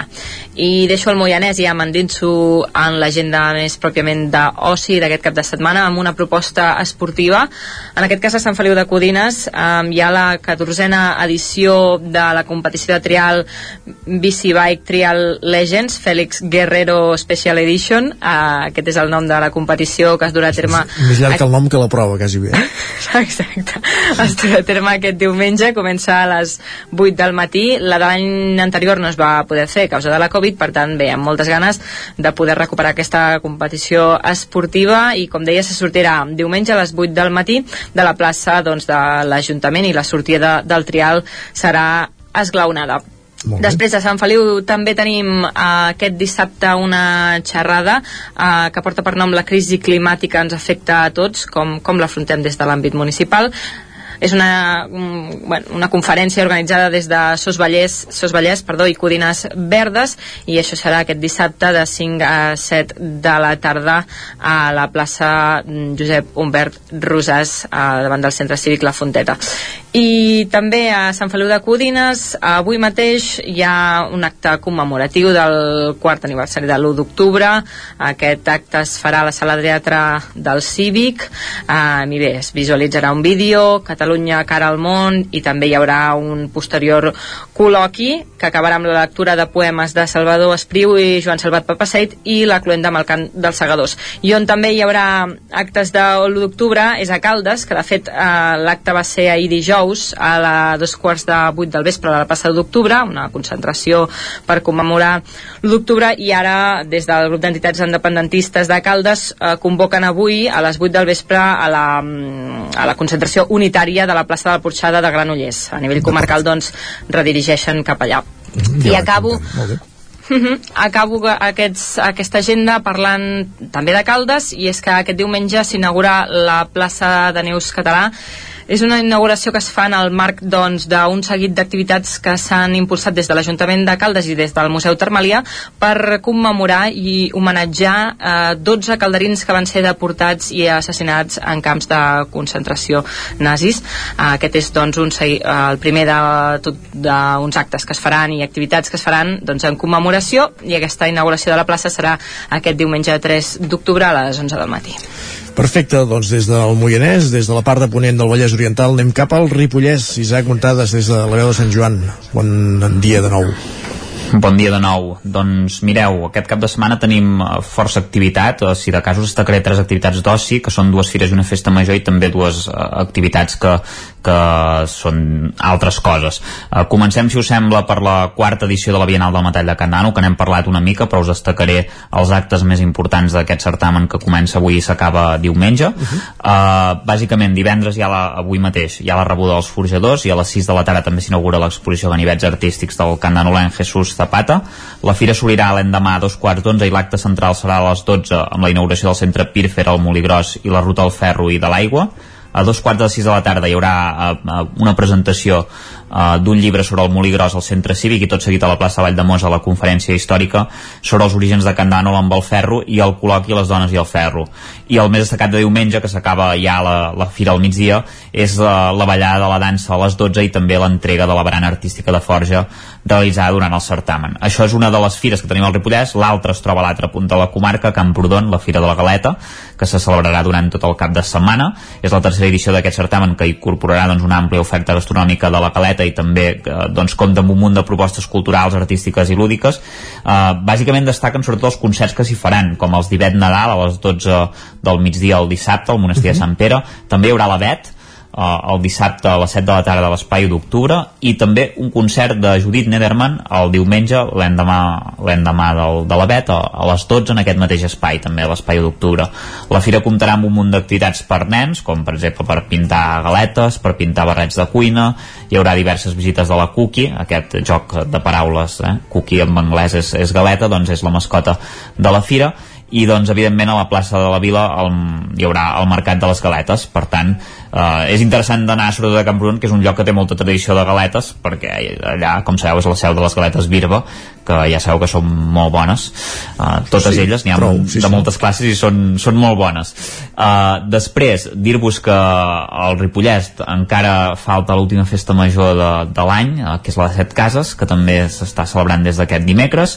Uh, per exemple aquest divendres hi haurà la copla principal d'Olot mentre que el diumenge hi haurà el dissabte, perdó, hi haurà la del Canigó i també es preveu que hi hagi doncs, eh, cine amb la projecció doncs, aquest vespre de Manàs Lubberg de Selen, que és guanyadora del Festival de Cinema de Muntanya de Torelló el 2019, que eh, parla sobre la biografia de l'alpinista Hans Kammerlander, eh, i la pel·lícula serà presentada per el guia Xavier Mas. Uh, dissabte a la nit també hi haurà el músic nigerià Joe Palsmith que oferirà un concert de gospel juntament amb els, amb els seus de Gospel Train i bé, hi haurà jocs infantils tant dissabte com diumenge. Dir-vos també que aquest cap de setmana arriba la tercera edició del Ripollès Discovery Walking. Uh, bàsicament hi ha un programa d'unes 13 propostes arreu de la comarca no us les destacaré us les destacaré per sort, us diré que hi ha un bateig de senderisme a la Vall de Núria, també hi haurà marxa nòrdica eh, pels boscos de Campelles, eh, un circuit d'orientació pel torrent de la Cabana Can de Bànol, la far, eh, fototrekking per la, per la vall de Camprodon, per exemple, una ascensió al Taga, no? per posar alguns de- d'exemples. Bé. I dir-vos que Sant Joan dels Abaderes també, aquest cap de setmana, ja per acabar, eh, se celebra el 12è col·loqui internacional d'estudis Transpirinencs 2021, que parla sobre pobles abandonats i eficiència territorial, i això doncs eh, és bàsicament des d'avui fins a diumenge, per tant també eh, eh, ja que es parla també una mica de, del, del festival aquest de Discovery Walking també eh, es parla de- d'això de, del Transpirinenc que per tant està, està bastant bé i, i pot ser molt interessant. Això serien una mica les activitats més, més destacades que ja veieu que està bastant atapeït el, el cap de setmana a la comarca Això és bo, que hi hagi per triar. Moltes gràcies, Isaac. Bon cap A de setmana. vosaltres, I ens igualment. quedem, I acabem el recorregut a Osona amb en Miquel R. Bon dia. Molt bon dia, doncs... També és atapeït el cap També de és setmana a Osona. atapeït, eh? recollint el fil de, de l'Isaac, tenim un cap de setmana atapeït, eh, eh, qui ens ha vist i qui ens veu, perquè fa un any eh, teníem... L'octubre sol ser un, un mes molt intens en quant a propostes d'aquestes tardorals, la majoria vinculades doncs, a productes de proximitat, a productes de la terra. L'any passat estàvem on estàvem, aquest any tothom comença a recollir, anem recollint, diguéssim, anem enfortint muscle, Uh, com a cap de cartell tindríem, també és veritat, la, més, la, que, la que hauria de ser més multitudinària és la que ha hagut de vigilar més per no concentrar encara tanta gent, com és uh, el, el mercat del porc i la cervesa, aquest any transformat amb els tastets de porc i cervesa, seria no, el cap de cartell de, del cap de setmana, una fira que ja va començar aquest dijous amb les cuineres de Sils i que continuarà fins diumenge amb propostes totes acotades, amb espais molt concrets, eh, amb, amb reserva prèvia d'inscripcions, per tant, en, encara amb, amb moltes mesures, amb les mesures que, que, que marca la situació sanitària. Mm, els reis, que seran? Els tastos de cervesa catalanes, tant els tallers d'elaboració doncs, de- d'embotits, eh, mostra de sobrassada de Mallorca, es fa coincidir també aquest cap de setmana un dels partners de, de la fira, que és, que és la revista Cuines, aprofitarà per celebrar el seu 20è aniversari i, i acullen un, un sopar eh, dissabte al vespre també als jardins de, de Can Puget i tot això amenitzat amb música música tenim des d'en Toti Soler eh, aquest grup Alèrgiques del Polen també així amb contingut feminista la Ludwig, la, la Ludwig Band o en Guillem Roma també dissabte al vespre amb quatre espais, s'ha- dividit una mica en quatre espais, els jardins de Can Puget el Teatre de Gràcia, que, que s'incorpora com a novetat el Mercat Municipal i la plaça Fra Bernadí. Per tant, activitats acotades però sí que hi ha amb ambient i recollint tota aquesta essència, diguéssim del gust de porc i la cervesa. Porc i cervesa a Manlleu, molt bé. Correcte. Tenim eh, més, més propostes firals. Eh, Si porc i cervesa s'associen a Manlleu, eh, la patata del bufet s'associa a Orís. Correcte. Arriba ja 27a edició del Mercat de la Patata del Bufet. Acostumen a repartir-ho amb 5 diumenges, per tant, no només venen eh, la, la patata que han cultivat aquest any, que es calcula entre 14 i 15.000 quilos, sinó que també cada diumenge organitzen una proposta per, per, eh, me- més lúdica per acollir el públic familiar que els acostuma a visitar. En aquest cas, aquest diumenge hi haurà sortides amb poni per la canalla, tindrem més propostes tots els diumenges, esperem, perquè tal com apunten les previsions, sembla que diumenge seria el dia més eh, propens a haver-hi pluja sí. inestable, veurem si, si ho poden salvar eh, l'avantatge En Josep, en, Josep Soldevila ens ha dit abans que el mercat es farà plogui o nevi. Eh, bueno, hauria de ploure molt perquè el suspenguessin. Són uns valents i ens Són- ho han de demostrat pagès. en tantes, en tantes edicions i més, i més propostes tenim també la Fira de la Mercè a Llatenes que seria com un epíleg de la festa major i que ha agafat entitat pròpia és una fira que va néixer això fa 9 anys una mica per reivindicar com seria el poble si no hi hagués eh, si no hi hagués tot el trànsit que passava pel mig ara ja hi ha variant però ara s'ha convertit una mica en l'aparador del comerç del poble i per tant durant tot dissabte més de 12 hores de fira què seran els Reis també, una mica eh, el que diem, no? Això està una mica pastades a tantes fires, de dir anem a reivindicar el producte local, en aquest cas doncs la, també la xarcuteria, la cervesa local també tenien cerveseria i per tant tastos, eh, cerveses i eh, eh, activitats d'animació, entre les quals destacaria dissabte a quarts de nou migdia que d'alguna manera enceten eh, un, la primera actuació. Hem vist, els hem vist que, eh, puntualment als Segals d'Osona amb algun pilar però ara faran una primera actuació ja encara tendre perquè tampoc porten molts assajos però si més no ja anem retornant mica en mica a la, a la normalitat. Recordem finalment també que tenim dues propostes més. Uh, Sant Quirze de Besora acull la Fira del Tas del Bisaure un altre clàssic. Correcte. això serà durant tot el diumenge no, perdó, de les 9 del matí fins a les 3 del migdia i amb canvi d'ubicació en aquest carrer, al carrer Mestre Quer també ho fan una mica per acotar una mica les entrades també, amb activitats des de concurs de munyivaques, espais de jocs de fusta, eh, algun concert eh, i, i les propostes estrella que acostumen a ser la demostració de cuina i el tastet, el vermut, eh, que és el que tiba al final eh, a tots plegats. I una altra proposta vinculada amb un producte alimentari seria a Olós, la Fira del Formatge del Pastor i Tas de Productes, també serà diumenge, és setena edició ja d'aquesta fira molt específica centrada eh, concretament amb això, no? amb, els, amb els formatges de llet crua de vaca, cabra i ovella, per tant un bon moment també per treure el cap, a Olós diumenge, esperant que el temps acompanyi. I finalment només recordar això, que aquest cap de setmana Osona també s'ha sumat, eh, com altres, Sí. moltes altres comarques, a la campanya de Benvinguts a Pagès. En el cas de la comarca d'Osona tenim, si voleu us les cito, Sí, tant. Temps. set, set propostes concretes on eh, una mica en la línia que es dia s'ha de trucar abans, reservar també eh, plaça per assistir-hi per visitar eh, una mica com s'elaboren els productes al centre de manipulació de la castanya de Viladrau, el Pujol de Call d'Atenes, el Soler de Nuc de Prats, formatges de Lluçà, a Lluçà, eh, les cabres d'Empeio a Muntanyola, Mas Corcó, veurem com fan pa a Manlleu, o el Mas Terra i Cabres a Oristà. Mm, Una bona manera d'acostar-nos al món de pagès, que sovint el tenim oblidat. Perfecte, Miquel, moltíssimes gràcies i bon cap de setmana també. Bon cap de setmana. I així arribem al final del programa d'avui, 1 d'octubre de 2021. Guillem Sánchez, Guillem Freixa, Guillem Rico, Núria Lázaro, Isaac Muntades, Òscar Muñoz, Caral Campàs, Esther Rovira, Jaume Espuny, Gaspar Tarrida, Miquel R, Jordi Sunyer i Isaac Moreno. Us hem acompanyat des de les 9 del matí aquí al Territori 17 i tornem dilluns a la mateixa hora. Molt bon cap de setmana.